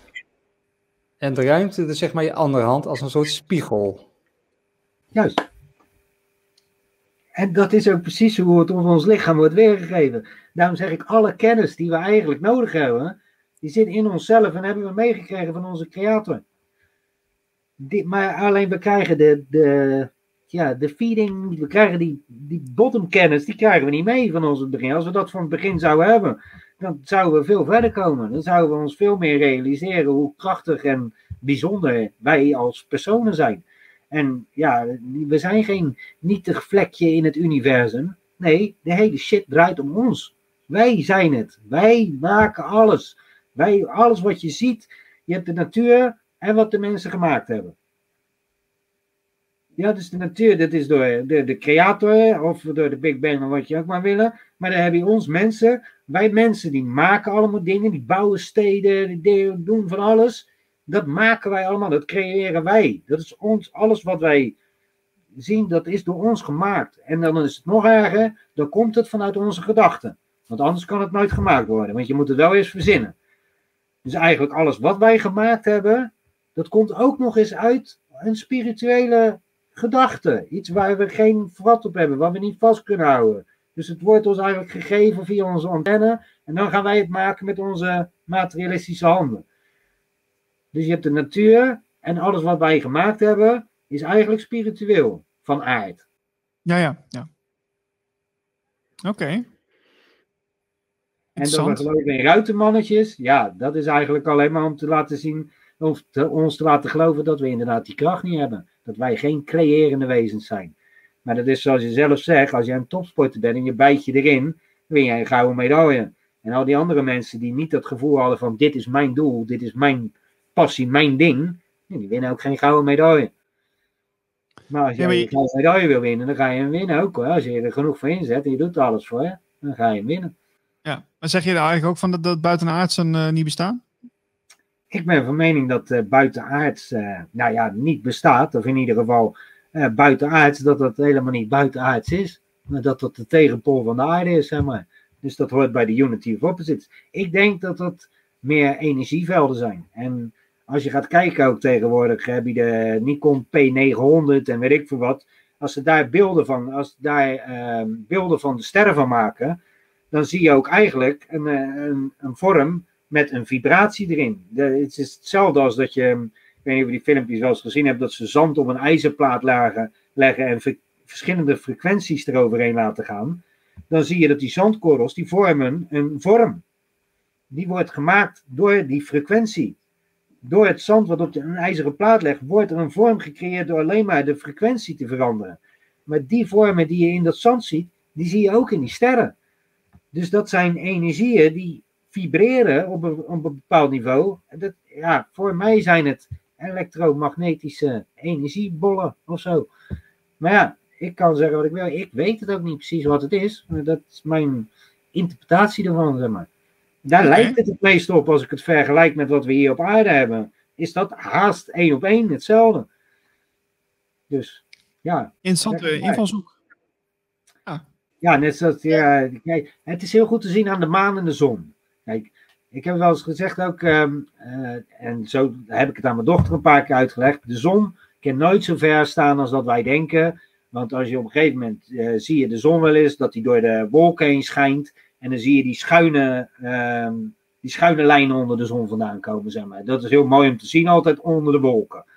Nou, dat is onmogelijk als dat ding 93 miljoen kilometer ver zit. Want dan zitten we in één, één grote baan en dan heb je nooit een, een verdeling. Dan heb je nooit hoeken die. Dus dat, zon, die, dat punt van die zon, die zorgt ervoor dat hij een angle hebt op de aarde. Dus die is helemaal niet zo ver als dat wij. Dat kan je gewoon berekenen volg die engels en je weet precies hoe hoog die zon zit. Ja, ja, volgens mij zit hij niet veel hoger dan uh, 30.000 kilometer, weet ik wat. Maar dat, dat zie je gewoon. Met je eigen ogen kan je dat zien. En het is dus onmogelijk dat die zon 93 miljoen jaar ver weg is en weet ik veel hoeveel keer groter als de aarde. Want dan zouden we nooit een patroon van schuimte op de aarde terechtkrijgen. Dat is onmogelijk gewoon. Als je de zon en de maan met elkaar vergelijkt, de zon is altijd op tijd. Altijd dezelfde tijd. Hij verloopt iets natuurlijk, dan komt hij samen, maar hij komt s ochtends komt hij altijd op. En dan draait hij netjes dezelfde weg en dan gaat hij weer onder. Daar kan je altijd op rekenen. De zon is er altijd. Als je de maan gaat kijken daarentegen, de maan, de lunar, ze noemen niks, lunatics, lunas, die eh, soms is die er niet eens. Soms is die er tegelijk met de zon. Nog zoiets. Hoe kan je een zon en een maan tegelijk zien? Dan hebben ze aan de andere kant van de aarde hebben ze helemaal niks. Dan zitten ze in het pikken donker, zonder zonlicht, zonder maanlicht. En dat een paar dagen achter elkaar, want dat zie ik hier wel eens een paar dagen achter elkaar.